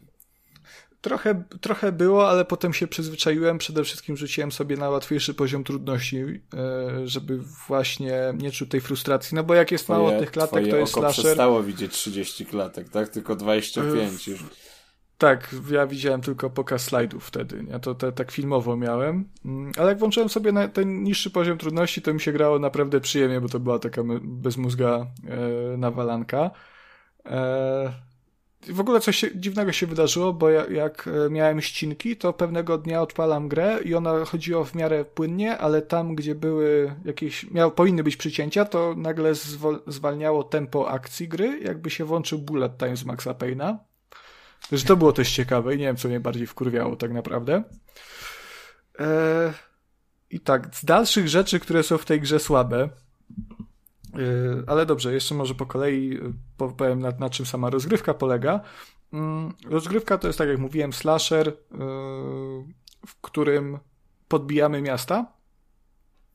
Także trafiamy na mapę i tam są na, przed murem tego, tego miasta, miasta warowni są jakieś tam posterunki, to musimy przejąć, przejąć jakieś miejsca, skąd wyruszają tarany, które będą forsować drzwi, mm, czy też tak, takie balisty, które ciepają kamieniami wielkimi w to miasto, ułatwiają przejęcie. E, no i klasycznie no, wyżynamy tych przeciwników y, z naszą armią. Oczywiście możemy przegrać, e, ale też możemy wygrać, co też często czyniłem, bo grałem na bardzo łatwym poziomie trudności, więc jakbym przegrał, to trochę kurde wstyd. No jak się dostaniemy do miasta, to w zasadzie zabijamy władcę i przejmujemy go miasta. No i, no i celem jest y, zunifikowanie Chin, y, czyli przejęcie wszystkich, wszystkich miast w każdej e, z kilkunastu, nie wiem jak to się, prefektur w Chinach, to się, te prefektury są chyba w Japonii. Prowincji. Mm, w prowincji w Chinach. E, no i przejęcie władzy na tych prowincjach. E, te, te nasze miasta też trzeba bronić, bo, bo nasi przeciwnicy to nie tak, że oni sobie czekają, aż my ich zaatakujemy. Oni też tam mm, co jakiś czas atakują nas i trzeba się wtedy bronić. No to sytuacja jest wtedy odwrócona po prostu i my musimy przejść te posterunki, a potem zabić atakującego nasz na wataszkę, czy tam, czy tam konkretnego władcę.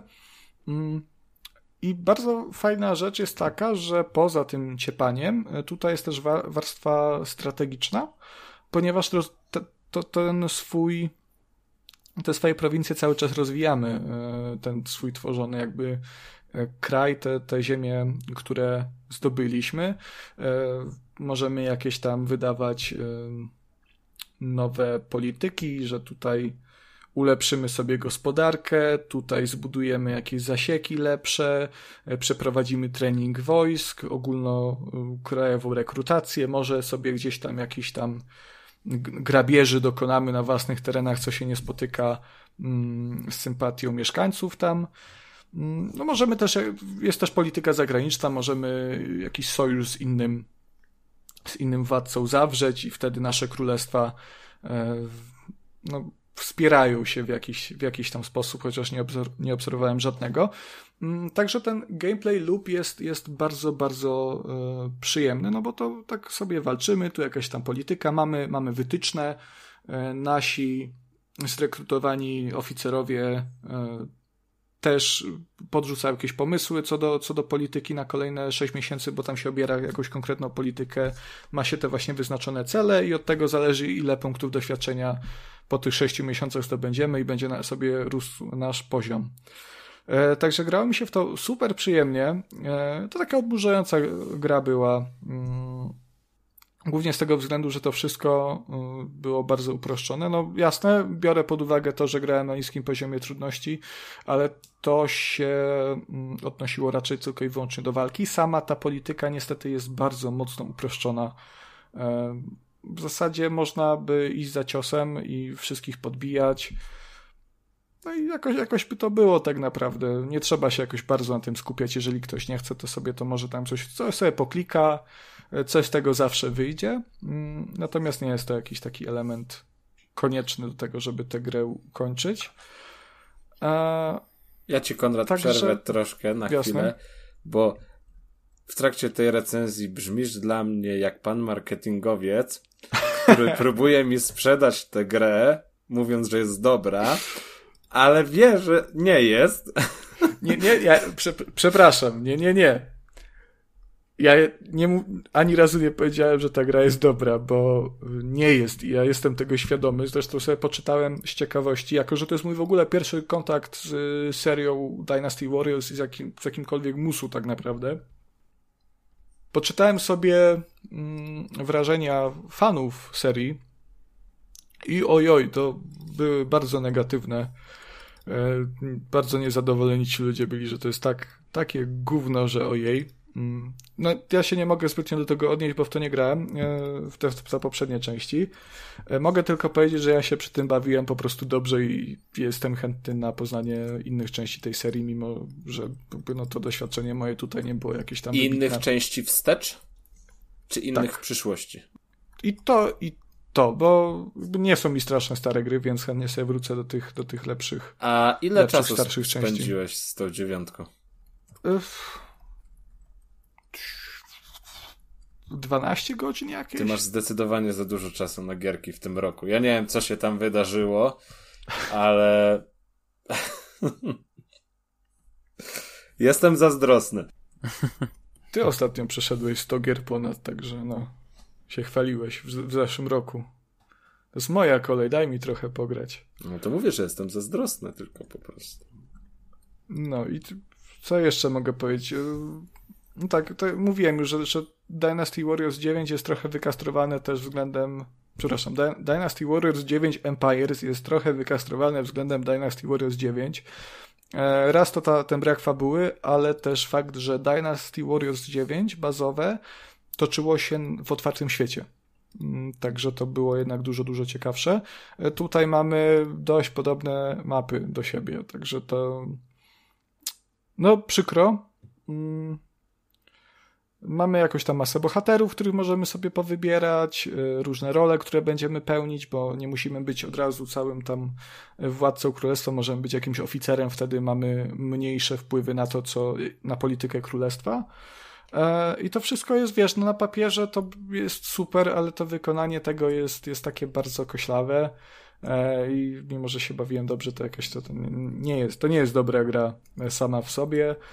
Niestety, i raczej jakbym miał polecać, to bym chyba polecał sprawdzić, która, które Dynasty Warriors jest uważane za najlepsze i, i sięgnąć po nie, bo, bo sam ten motyw tej rozgrywki y, jest super i, i, i mówię, jest, jest bardzo, bardzo fajny.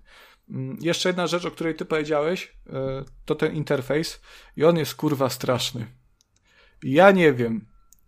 Ja absolutnie nie wiem, bo to jest jakaś, to jest trochę właśnie wschodnia szkoła robienia gier ja na przestrzeni ostatnich kilku odcinków wychodzę na strasznego growego rasistę, ale ci Japończycy i Chińczycy, ja nie wiem, czy oni widzieli kiedyś jakiś interfejs, który działa, czy, czy oni tak na pałę to robią, bo tam jest tak wszystko nasrane na tym ekranie po prostu, y, że przez 12 godzin ja dalej nie jestem pewien, co niektóre rzeczy po pokazują. Y, o tym, że mogę podejrzeć w menu, jakie cele wybrałem, jeszcze raz, żeby sobie przypomnieć. E, dowiedziałem się dopiero po pięciu godzinach. Do, tej, do, tamtego, do tego momentu byłem przekonany, że nie ma takiej możliwości. Jest straszny pierdolnik w tym menu po prostu i cały czas się wyświetlają jakieś olbrzymie napisy na środku ekranu, że ktoś tam potrzebuje pomocy. Ktoś zaczął atakować posterunek ten. Tu idzie katapulta. I to nie jest tak, że ci się pojawia, wiesz, jak w normalnych grach w rogu ekranu informacja, to jest jebnięte po prostu na środku ekranu duży napis, jeszcze z takim gradientem pod nim, żeby było jeszcze bardziej mniej widać, co się dzieje na ekranie. No, po prostu coś absolutnie strasznego. Y, na szczęście da się do tego przyzwyczaić i nauczyć się ignorować te elementy interfejsu, które nie są potrzebne do zrozumienia rozgrywki, i tego coś robi, czyli mapę. I pasek umiejętności specjalnych, który tam pokazuje, czy się już naładowały, czy nie. Ale te narzekania na ten, na ten wschodni interfejs, to nawet y, w Elden Ringu sporo osób narzeka na, narzeka na to, że on jest taki właśnie bardzo przestarzały, chaotyczny, nie do końca zrozumiały. Yy, także coś, coś jest na rzeczy. No, po prostu inna szkoła projektowania. Wystarczy sobie dowolnego JRPGa włączyć i tam jest czasami po prostu jakiś horror, nie? Ale no, no co zrobisz, no. No, to ja rozumiem, że się czujecie zachęceni i wszyscy zastanawiam, ile w ogóle osób... Już kupiłem. Ile osób tak? w Polsce w to zagrało. Ja się tak... Chciałbym poznać numer. Aha, tylko powiem jeszcze, dodam taką ciekawostkę, bo też dostałem wersję e, z Season Passem. Oho, czyli będziemy mieli recenzję wszystkich DLC w przyszłości. Super! E, tak. E, nie, nie, to już, już są wszystkie. A, nie? już są wszystkie. A. Teraz, teraz tak, słuchaj tego. Dynasty Warriors 9 Empires Deluxe Edition kosztuje 377 zł na Steamie. Słodki jest. Samo Dynasty Warriors jak kupicie, to jest tanie, jest tylko 215, ale jak będziecie chcieli dodatki, no to 143 zł trzeba dodatkowo wydać na Season Passa.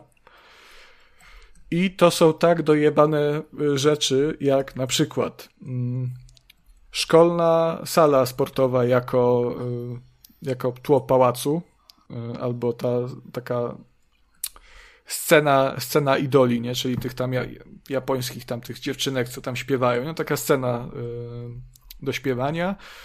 Y, no ale jest na przykład jeszcze kostium lisa, kostium pandy, to coś dla Kacpra.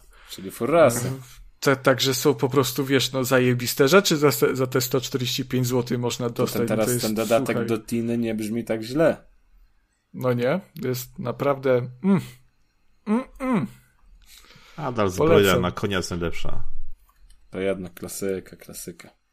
No ale jaka droga tutaj, wiesz, za 11 zł można osobno kupić na szczęście. Za 11 zł możesz się za pandę przebrać. A, a w ogóle jeszcze jak kupicie, jak kupicie Season Passa, to się jeszcze bardziej opłaca, bo y, dostajecie mm, dostęp do zawartych tylko w Season Passie bonusów w postaci czterech dodatkowych jednostek woj wojskowych, wilków, misiów, tygrysów, a także, Kacper, teraz uważaj, pand. I to się Super. ceni. Co się dzisiaj te pandy przewijają tutaj do tego strony. Trzeba dzisiaj zaczarował. Kung Fu Pandę zobaczyć. Też widziałem dzisiaj jakiegoś tego y, u nas na redakcyjnym Discordzie w, w pograne widziałem mema z Kung Fu Pandy, jak do siebie pandy prze, przeklinały. Ty, ale pa, patrzę na te zdjęcia i w sumie ta gra na tych najwyższych detalach to tak nie wygląda źle, bo te pandy wyglądają jakby ktoś je kwasem oblał po prostu. Czyli mniej więcej jak te tygrysy wyglądały u mnie. To, no, brzmi, brzmi zachęcająco, powiem Od razu powiem, że w następnej grze, którą będę recenzował, nie będzie pand, a przynajmniej ich nie, nie odnalazłem. Przepraszam. To, to, to, to żałuj, bo patrz jaki jest zajebisty kon, jak- ten kostium pandy w Dynasty Warriors. No spójrz No mi się zdjęcia nie ładują. na Discordzie. Na, na Discordzie mi się nie ładują. No to masz na Facebooku. Ach, ty jesteś, zawsze o mnie zadbasz, żebym dostał wszystko. Coś wspaniałego. Ojej. Dobrze.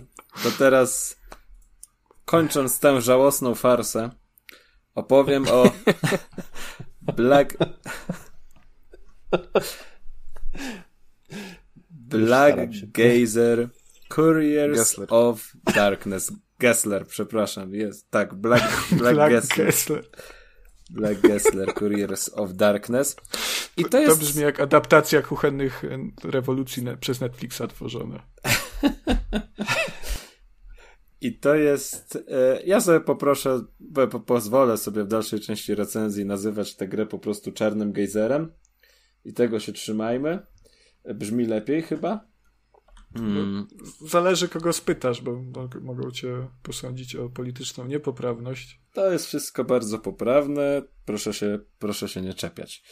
E, to jest też jedna z gier, która była zajawiana kiedyś u nas w tym e, indykowym segmencie i mm, niech to będzie dowód na to, że ja się staram, tak? Mhm. Tak. Że, że dobrze wyszło, tak? Poważnie do swoich. E, że- gra?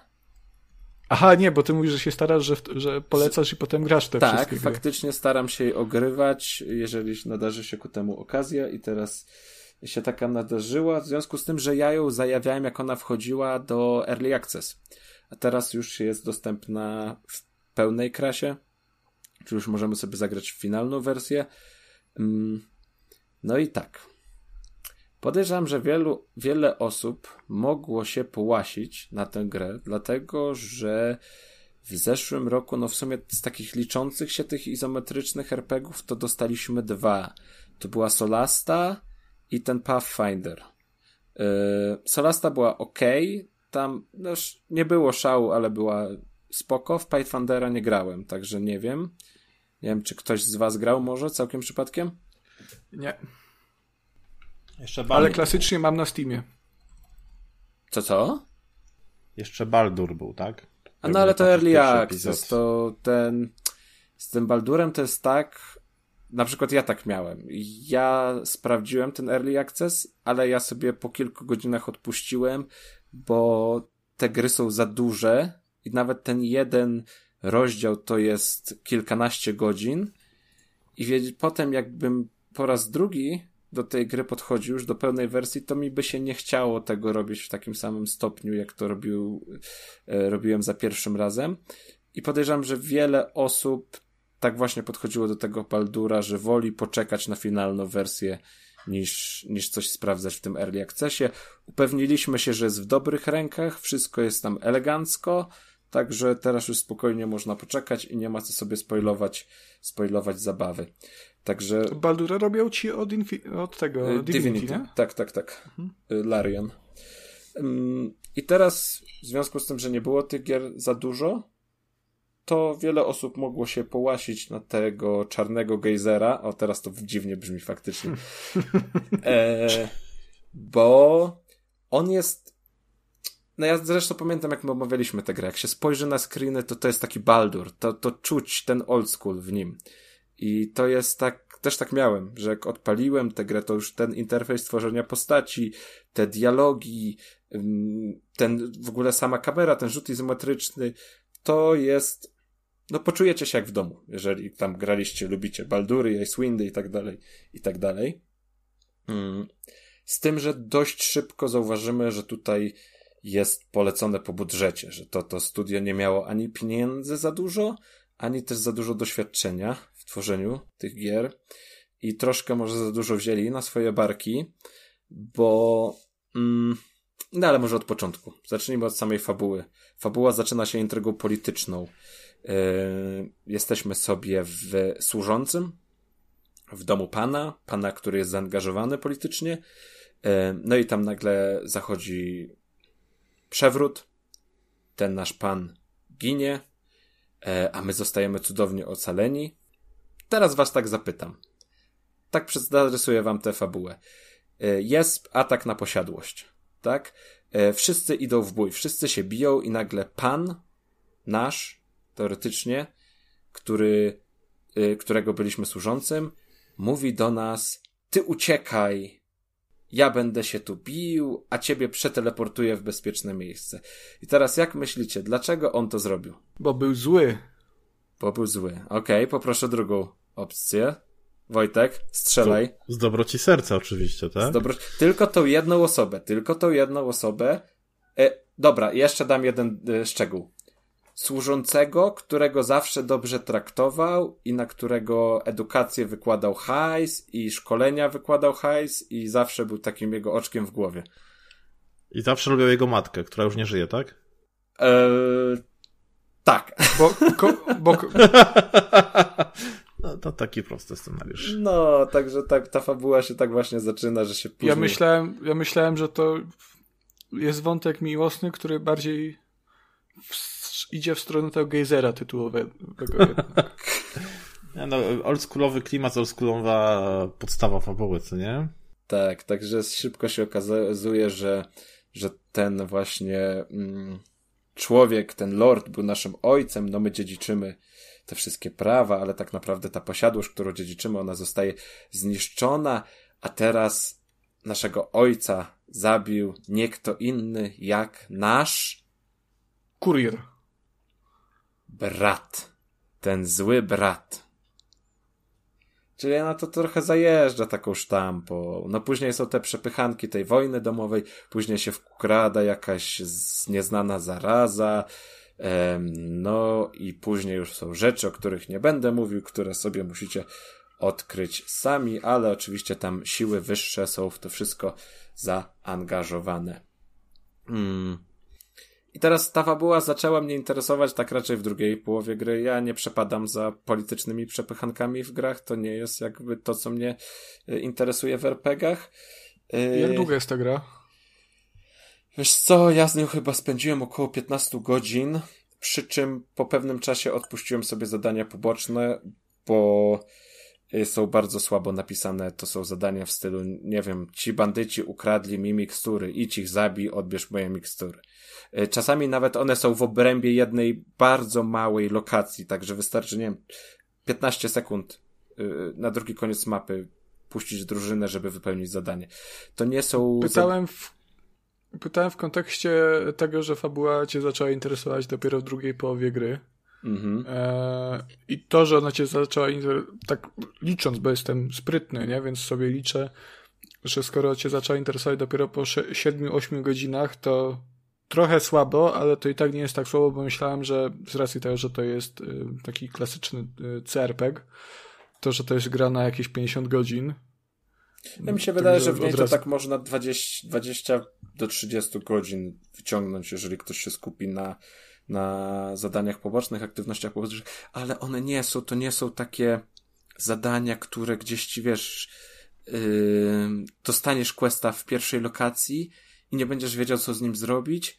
Będziesz cały czas myślał, kurczę, ale to zadanie, jak je ugryźć, co tam, gdzie tam trzeba pójść i nagle znajdziesz jakiś przedmiot i nagle wszystko się poskłada do kupy i o, udało mi się wypełnić. Już nawet, wiesz, walić tą nagrodę, po prostu masz samą satysfakcję z tego, że udało ci się rozkminić to zadanie, że podeszłeś do tego we właściwy sposób. No tutaj tego nie ma, to jest takie bardzo, bardzo banalne i e, nie wiem, no, sklepikarz cię wysyła, kup mu pięć takich i takich mikstur, idziesz do drugiego miasta, kupujesz mu te mikstury, przynosisz, dostajesz pięćdziesiąt e, sztuk złota nagrody, przy czym za zbroję podniesioną z pierwszego lepszego przeciwnika możesz dostać 200. Także gdzie sens, gdzie logika, no nic to się nie trzyma kupy, nie warto.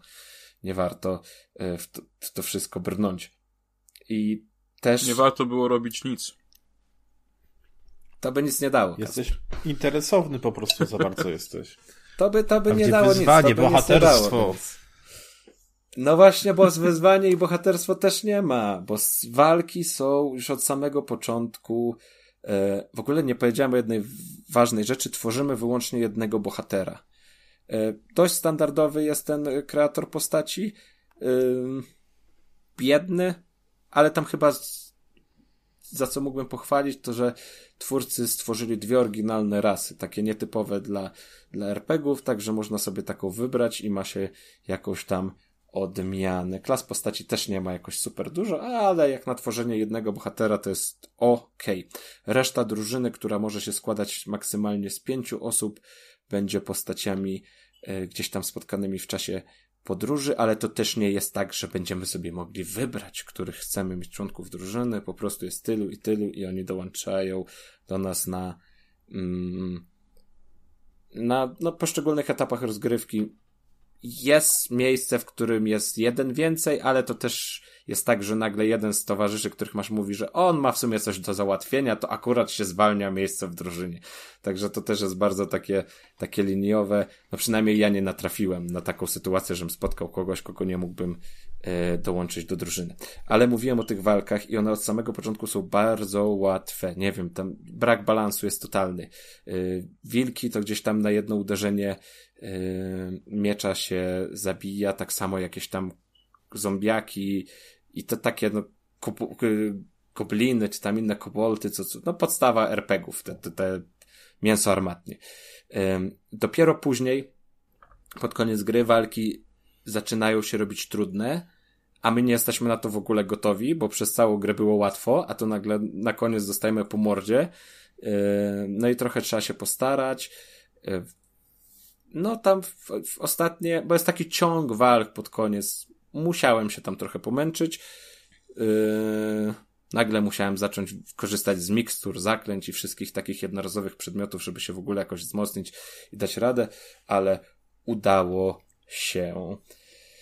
Yy, także te walki są takie, no, niewykorzystany to jest do końca potencjał. Rozwój postaci też trochę leży, bo tak naprawdę tych umiejętności punktów umiejętności dostajemy tyle, że nie musimy się szczypać w, w sposobie, w jaki chcemy je wykorzystać. Po prostu dodajemy je na pałę i zawsze będzie starczyło na to, co chcemy.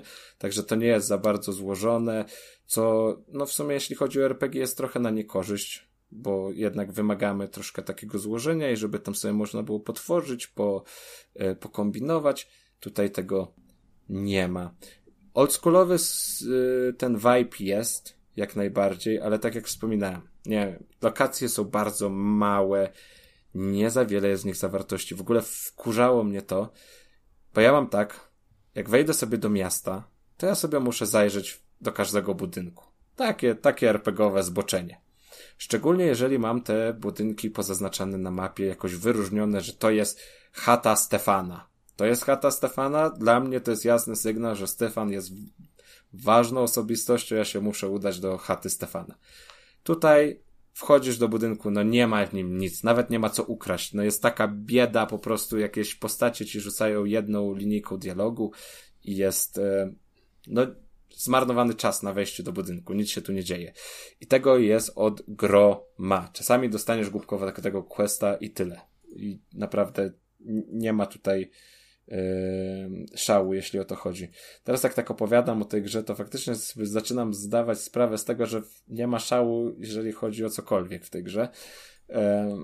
No, kurczę, nie wiem. No nie, no nie byłem zadowolony. Nie mogę za bardzo polecić. Mm. Jeszcze tak się zastanawiam, na co chciałbym tu ponarzekać. Dialogi. Dialogi też nie są jakoś tak super napisane. To nie jest, to nie jest jakiś taki poziom nawet dobrej książki. To dość suche jest i próbowałem dwóch wersji. Grałem w angielską, grałem w polską.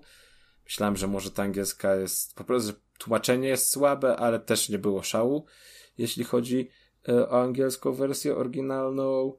E, no, jest kilka ciekawych takich motywów w trakcie fabuły, na które gdzieś tam warto zwrócić uwagę i które zapamiętamy. Jest tam nawet jakiś drobny wątek podróży w czasie, także spoko, coś się tam dzieje, ale to nie jest poziom tych wszystkich yy, klasycznych RPGów oldschoolowych. Teraz w ogóle to mi dało do myślenia, że nie wiem, w którym roku został wydany drugi Baldur. Możecie to tak na szybko sprawdzić. To był 2000 drugi? Pierwszy Baldur czy drugi? Drugi Baldur. Drugi Baldur, bo ja Dwa, mamy... 2000. 2000, dobra. To mamy drugiego Baldura. Minęło 22 lata. I teraz takie studio, pomimo tej technologii, którą teraz mamy i, i, i wiedzy i no po prostu doświadczenia ogólnego w, w gamingu, oni nie są w stanie zrobić RPG, który mógłby nawet jakby musnąć o poziom tego, co dostaliśmy ponad 20 lat temu. To jest po prostu dla mnie wow. Jak należy docenić to... te stare RPG. Ale to jest.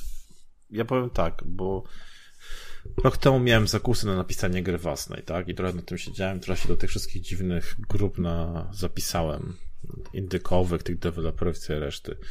I ja mam w ogóle wrażenie, że ci wszyscy ludzie uważają, że zrobią najpiękniejszą grę i najlepszą na świecie e, w bardzo małej ilości, bez większych nakładów finansowych e, i biorą strasznie ambitne rzeczy na siebie. I to jest jakieś przekleństwo, że ludzie nie umieją szacować swoich możliwości. I to widać w tylu grach, też w produkcjach AA, ale w takich, wiecie, indykowatych to już w ogóle, tak?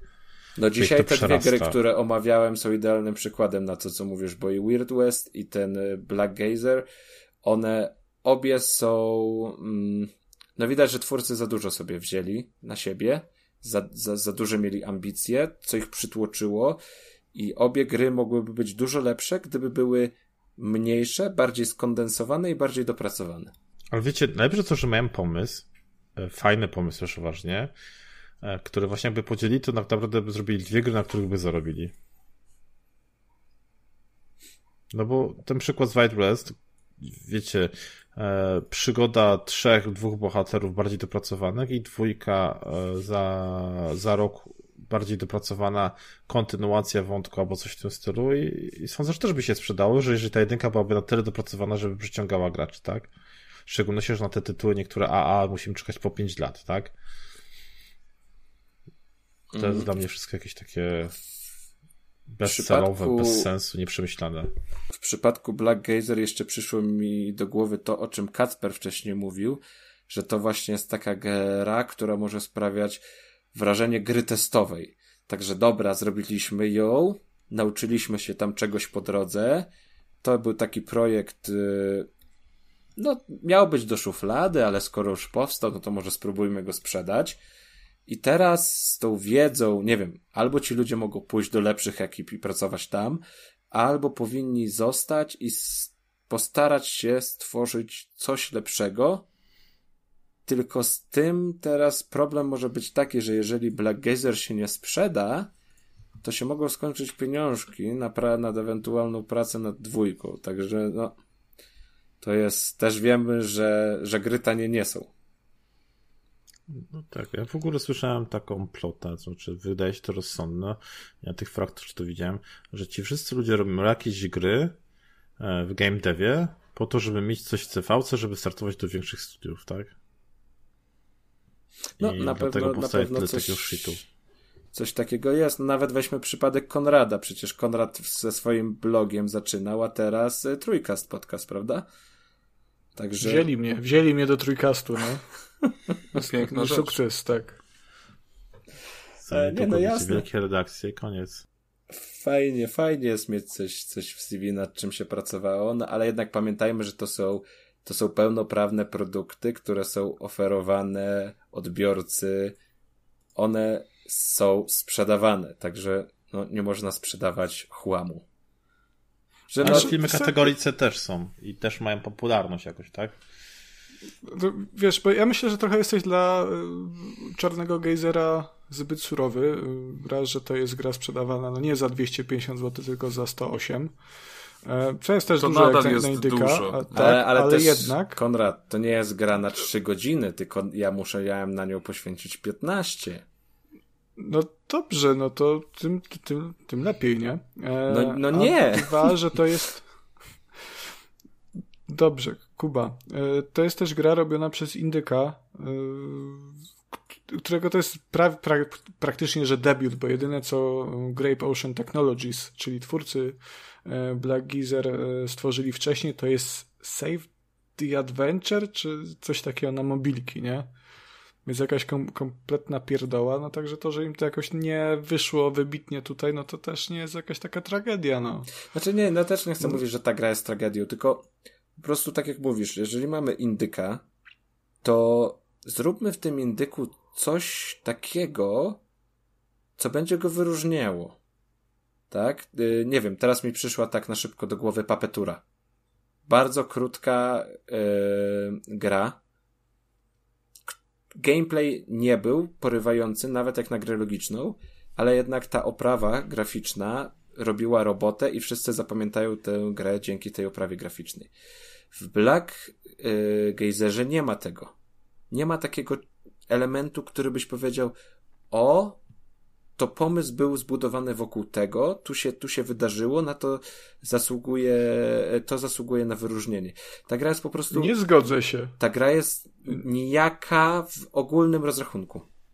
A z czym się nie Nie, zgodzisz? nie, z- no nie zgodzę się z tym, że mm, no tak jak mówisz o tej pa papeturze i o oprawie wizualnej, że ją zapamiętujesz, no to ja tak mam w przypadku y, Geyseru, bo y, to jest gra, którą ja zapamiętałem już od momentu twojej y, zajawienia jej, że ona powstaje kilkanaście chyba odcinków temu tak naprawdę, właśnie z tego względu, że to jest ta gra, która wygląda jak Baldur. No dobra, i ona jest, wygląda jak Bardul, ale ona wy, wygląda, pomimo tego, że jest 20 lat, 22 lata e, młodsza, ona wygląda gorzej niż Baldur. Nie, no tak patrzę na screeny, fajnie wygląda. No to, to no ale gorzej. No, a nawet jak nie, nie gorzej, to Widziałeś lepiej. Baldura ostatnio? No, ogrywałem Baldurę ze dwa lata temu i to te stare i było okej. Znaczy, no wiesz, to też nie chodzi o taki czysty wygląd, ale też jakby klimat, spójność i tak, tak dalej. No ale to też nie jest, nie, nie zapamiętasz Black Gazera za wygląd. No ale właśnie ci mówię, że go zapamiętałem No, ale- przez wygląd, przez to, że on wygląda jak Baldur. To nie jest jasne, to nie jest e, to nie jest ten sam poziom, jakby to była jakaś gra, która Ale wygląda w sama w sobie pozytywnym niesamowicie rozrachunku papeturę. go zapamiętasz Tak, tak, dlatego? tak, tak. No tak. To, to, to, to, to ja nie. To ja nie wiem. No bo właśnie podoba mi się to, że ona nawiązuje do tej klasyki, takiej bardzo, bardzo już uznanej i no nie wiem, no dla mnie to super wygląda. No nawiązuje do klasyki, ale w żaden sposób jej nie dorównuje. Co jest trochę smutne, bo to, A to jest inna kwestia. to jest, to To, jest takie kupiłbyś właśnie, taką grę? Wydałbyś te 108 zł, bo wygląda jak Baldur? Mm, Ja ją mam na liście, chcę ją sprawdzić. Także kiedyś pewnie kupię. 308 zł? Tak było. Mówię, no to jest. e, Zgadzam się, to jest no, to wys wysoka cena, jak na, nawet jak na indyka. E, Będę 20 chyba taka dolarów, stan- tak? 25 dolarów.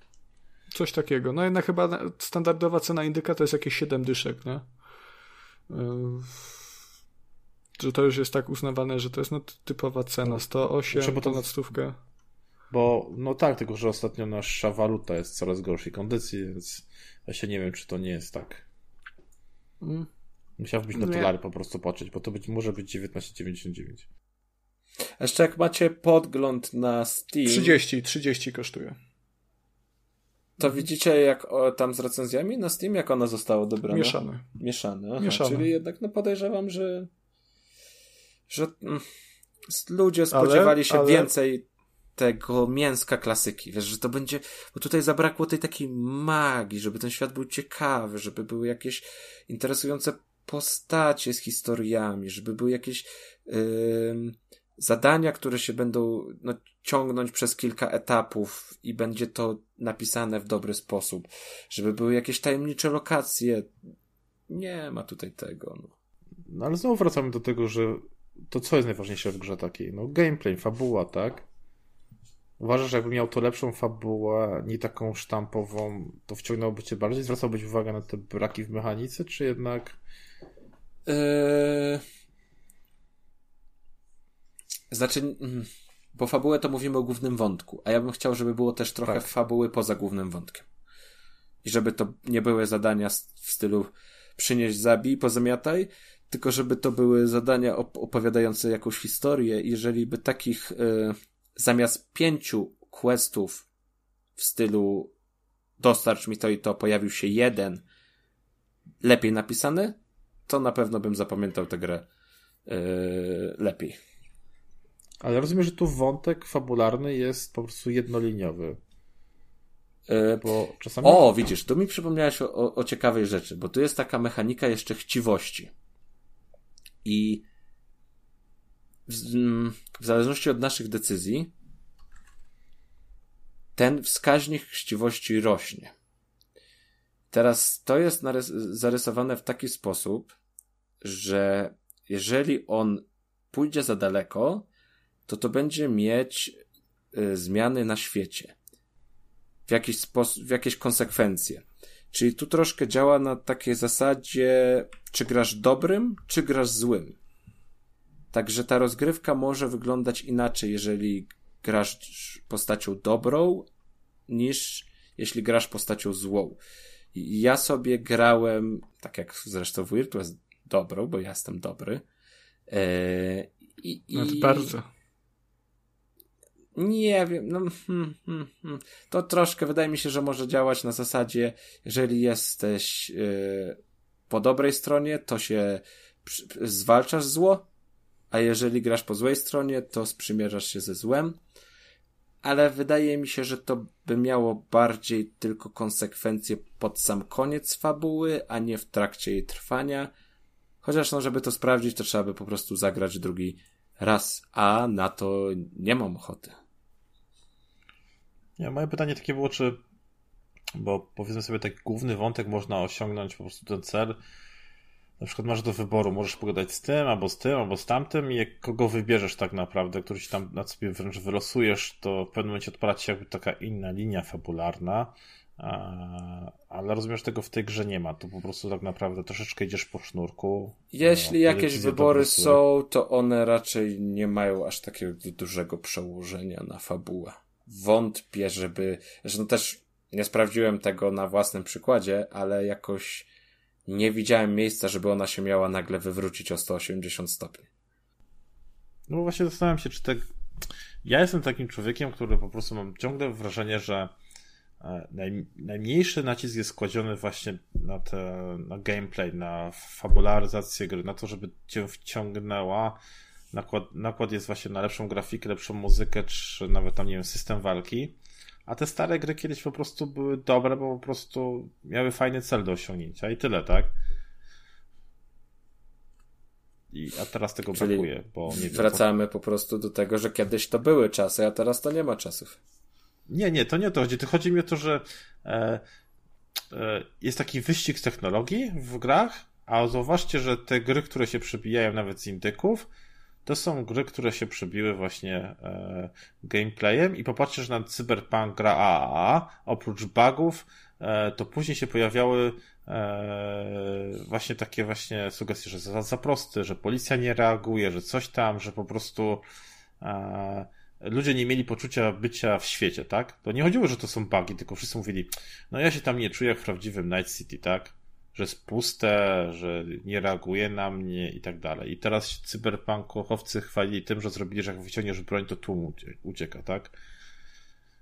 Na drobnostki. No na to jak najbardziej, no się zgadzam, bo na, najlepszym przykładem chyba z ostatnich lat to będzie GTA 5, które już ma 9 lat na karku, e, a cały czas jest turbo popularne i cały czas się sprzedaje, e, poniekąd dzięki nowym wersjom, ale no też dlatego, że sama rozgrywka jest, jest po prostu bardzo dobra, nie? Ale powiedzmy z GTA to jest w ogóle świetny przykład. Tam jest świetna, fabularna, ta singlowa wersja jest po prostu cudowna względem fabularnym, a, a później gameplay do tego wszystkiego dołożył. Mhm. Jak najbardziej. I, i, i, a tutaj masz na przykład tą grę, teraz opowiadałeś o, gejz, o gejzerze, no to znowu jest tak jakby y, wszystkiego po trochu i nic wiodącego. Tak samo jak w tym w White Rest, tak? Że, że następna gra, która y, y, starali się zrobić wszystko dobrze, tak no zrobili wszystko płasko. A gdyby była jedna rzecz, która by tam dominowała, to E, to może by cię ta gra pociągnęła, mam takie wrażenie, tak? No to troszkę, troszkę tak jest, że brakuje takiego, takiego wyróżnika w którymś e, z aspektów. No i po to, co mówiłeś, że indyki właśnie są za duże, e, bo się nie skupiałem, że właśnie mieć taki jeden jakiś super wątek, tak? Czy tam super fabularny, nie wiem, czy super czary, czy super walkę, czy jakąś tam właśnie umiejętność, czy nawet ta e, chciwość, która tam w sumie jest, ale ty nie zauważyłeś jej wpływu, tak?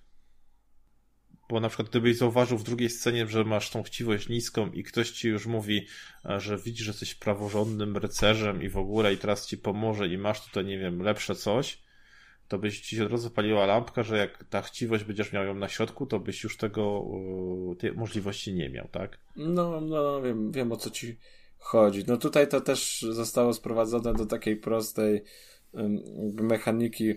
Wypełniliśmy questa i teraz w nagrodę mówi nam pani, że o, dziękuję, że mi pomogłeś. Tutaj dostaniesz 200 sztuk złota i łuk mojego zmarłego męża. I teraz tak, masz do wyboru Biorę wszystko, czyli chciwość idzie do góry. Wezmę tylko pieniądze, a łuk sobie zostaw, albo odwrotnie, to tam tylko połowę tego. Albo możesz powiedzieć, że tobie się to bardziej przyda, ja zrobiłem to po prostu ze szlachetnych, yy, ze szlachetnego serca, także i tutaj masz ten, ta chciwość w ogóle nie rośnie albo i spada. Także to też jest takie bardzo, bardzo uproszczone. Ja sobie właśnie teraz przypomniałem Fallouty pierwsze, że tak naprawdę jak tam miałeś jakieś umiejętności rozwinięte, to ci pokazywały o, o, dodatkowe opcje dialogowe, prawda? No tutaj to jest też teoretycznie, że tam możesz zagadać w dialogu, rzucić jakąś opcję, bo masz, nie wiem, bo jesteś rycerzem, tak, ale nie, nie widzę. Albo że masz wysokie targowanie, współczynnik targowania, ale to nie jest zakrojone na taką skalę, żeby było ciekawe. Także, nie wiem, Black Gazer, czy mogę polecić? Jeżeli ktoś jest bardzo, bardzo, bardzo głodny izometrycznych RPGów, chociaż podejrzewam, że jeszcze nie wszyscy ograli Solastę zeszłoroczną yy, i ona w, sprawdza się, się lepiej. Czyli na 5 gier w tym odcinku poleciliśmy równe zero. Ale mamy odcinek. Negatywny negatywny. To będzie. To, be, to, no to, to jeszcze jest, raz. To jest tytuł. Odcinek negatywny.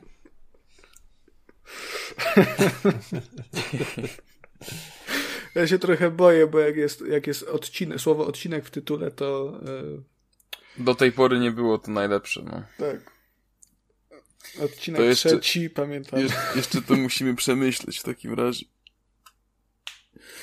Dobrze, także tą piękną puentą na temat polecanych A w ogóle Kasper jest z nami. O, Kasper! Jestem, cały czas jestem. Jestem i słucham, ale gadacie o grach, o których nie mam zielonego pojęcia, więc i o gatunkach, które mnie totalnie... Bo ty tylko Kirby i Kirby. Tak. Chińskie bajki tylko grał. I Panfu. Tą piękną puentą na temat polecanych przez nas gier, e, która doskonale o nas świadczy, E, powoli zbliżamy się już do zakończenia 24 epizodu Trójkastu.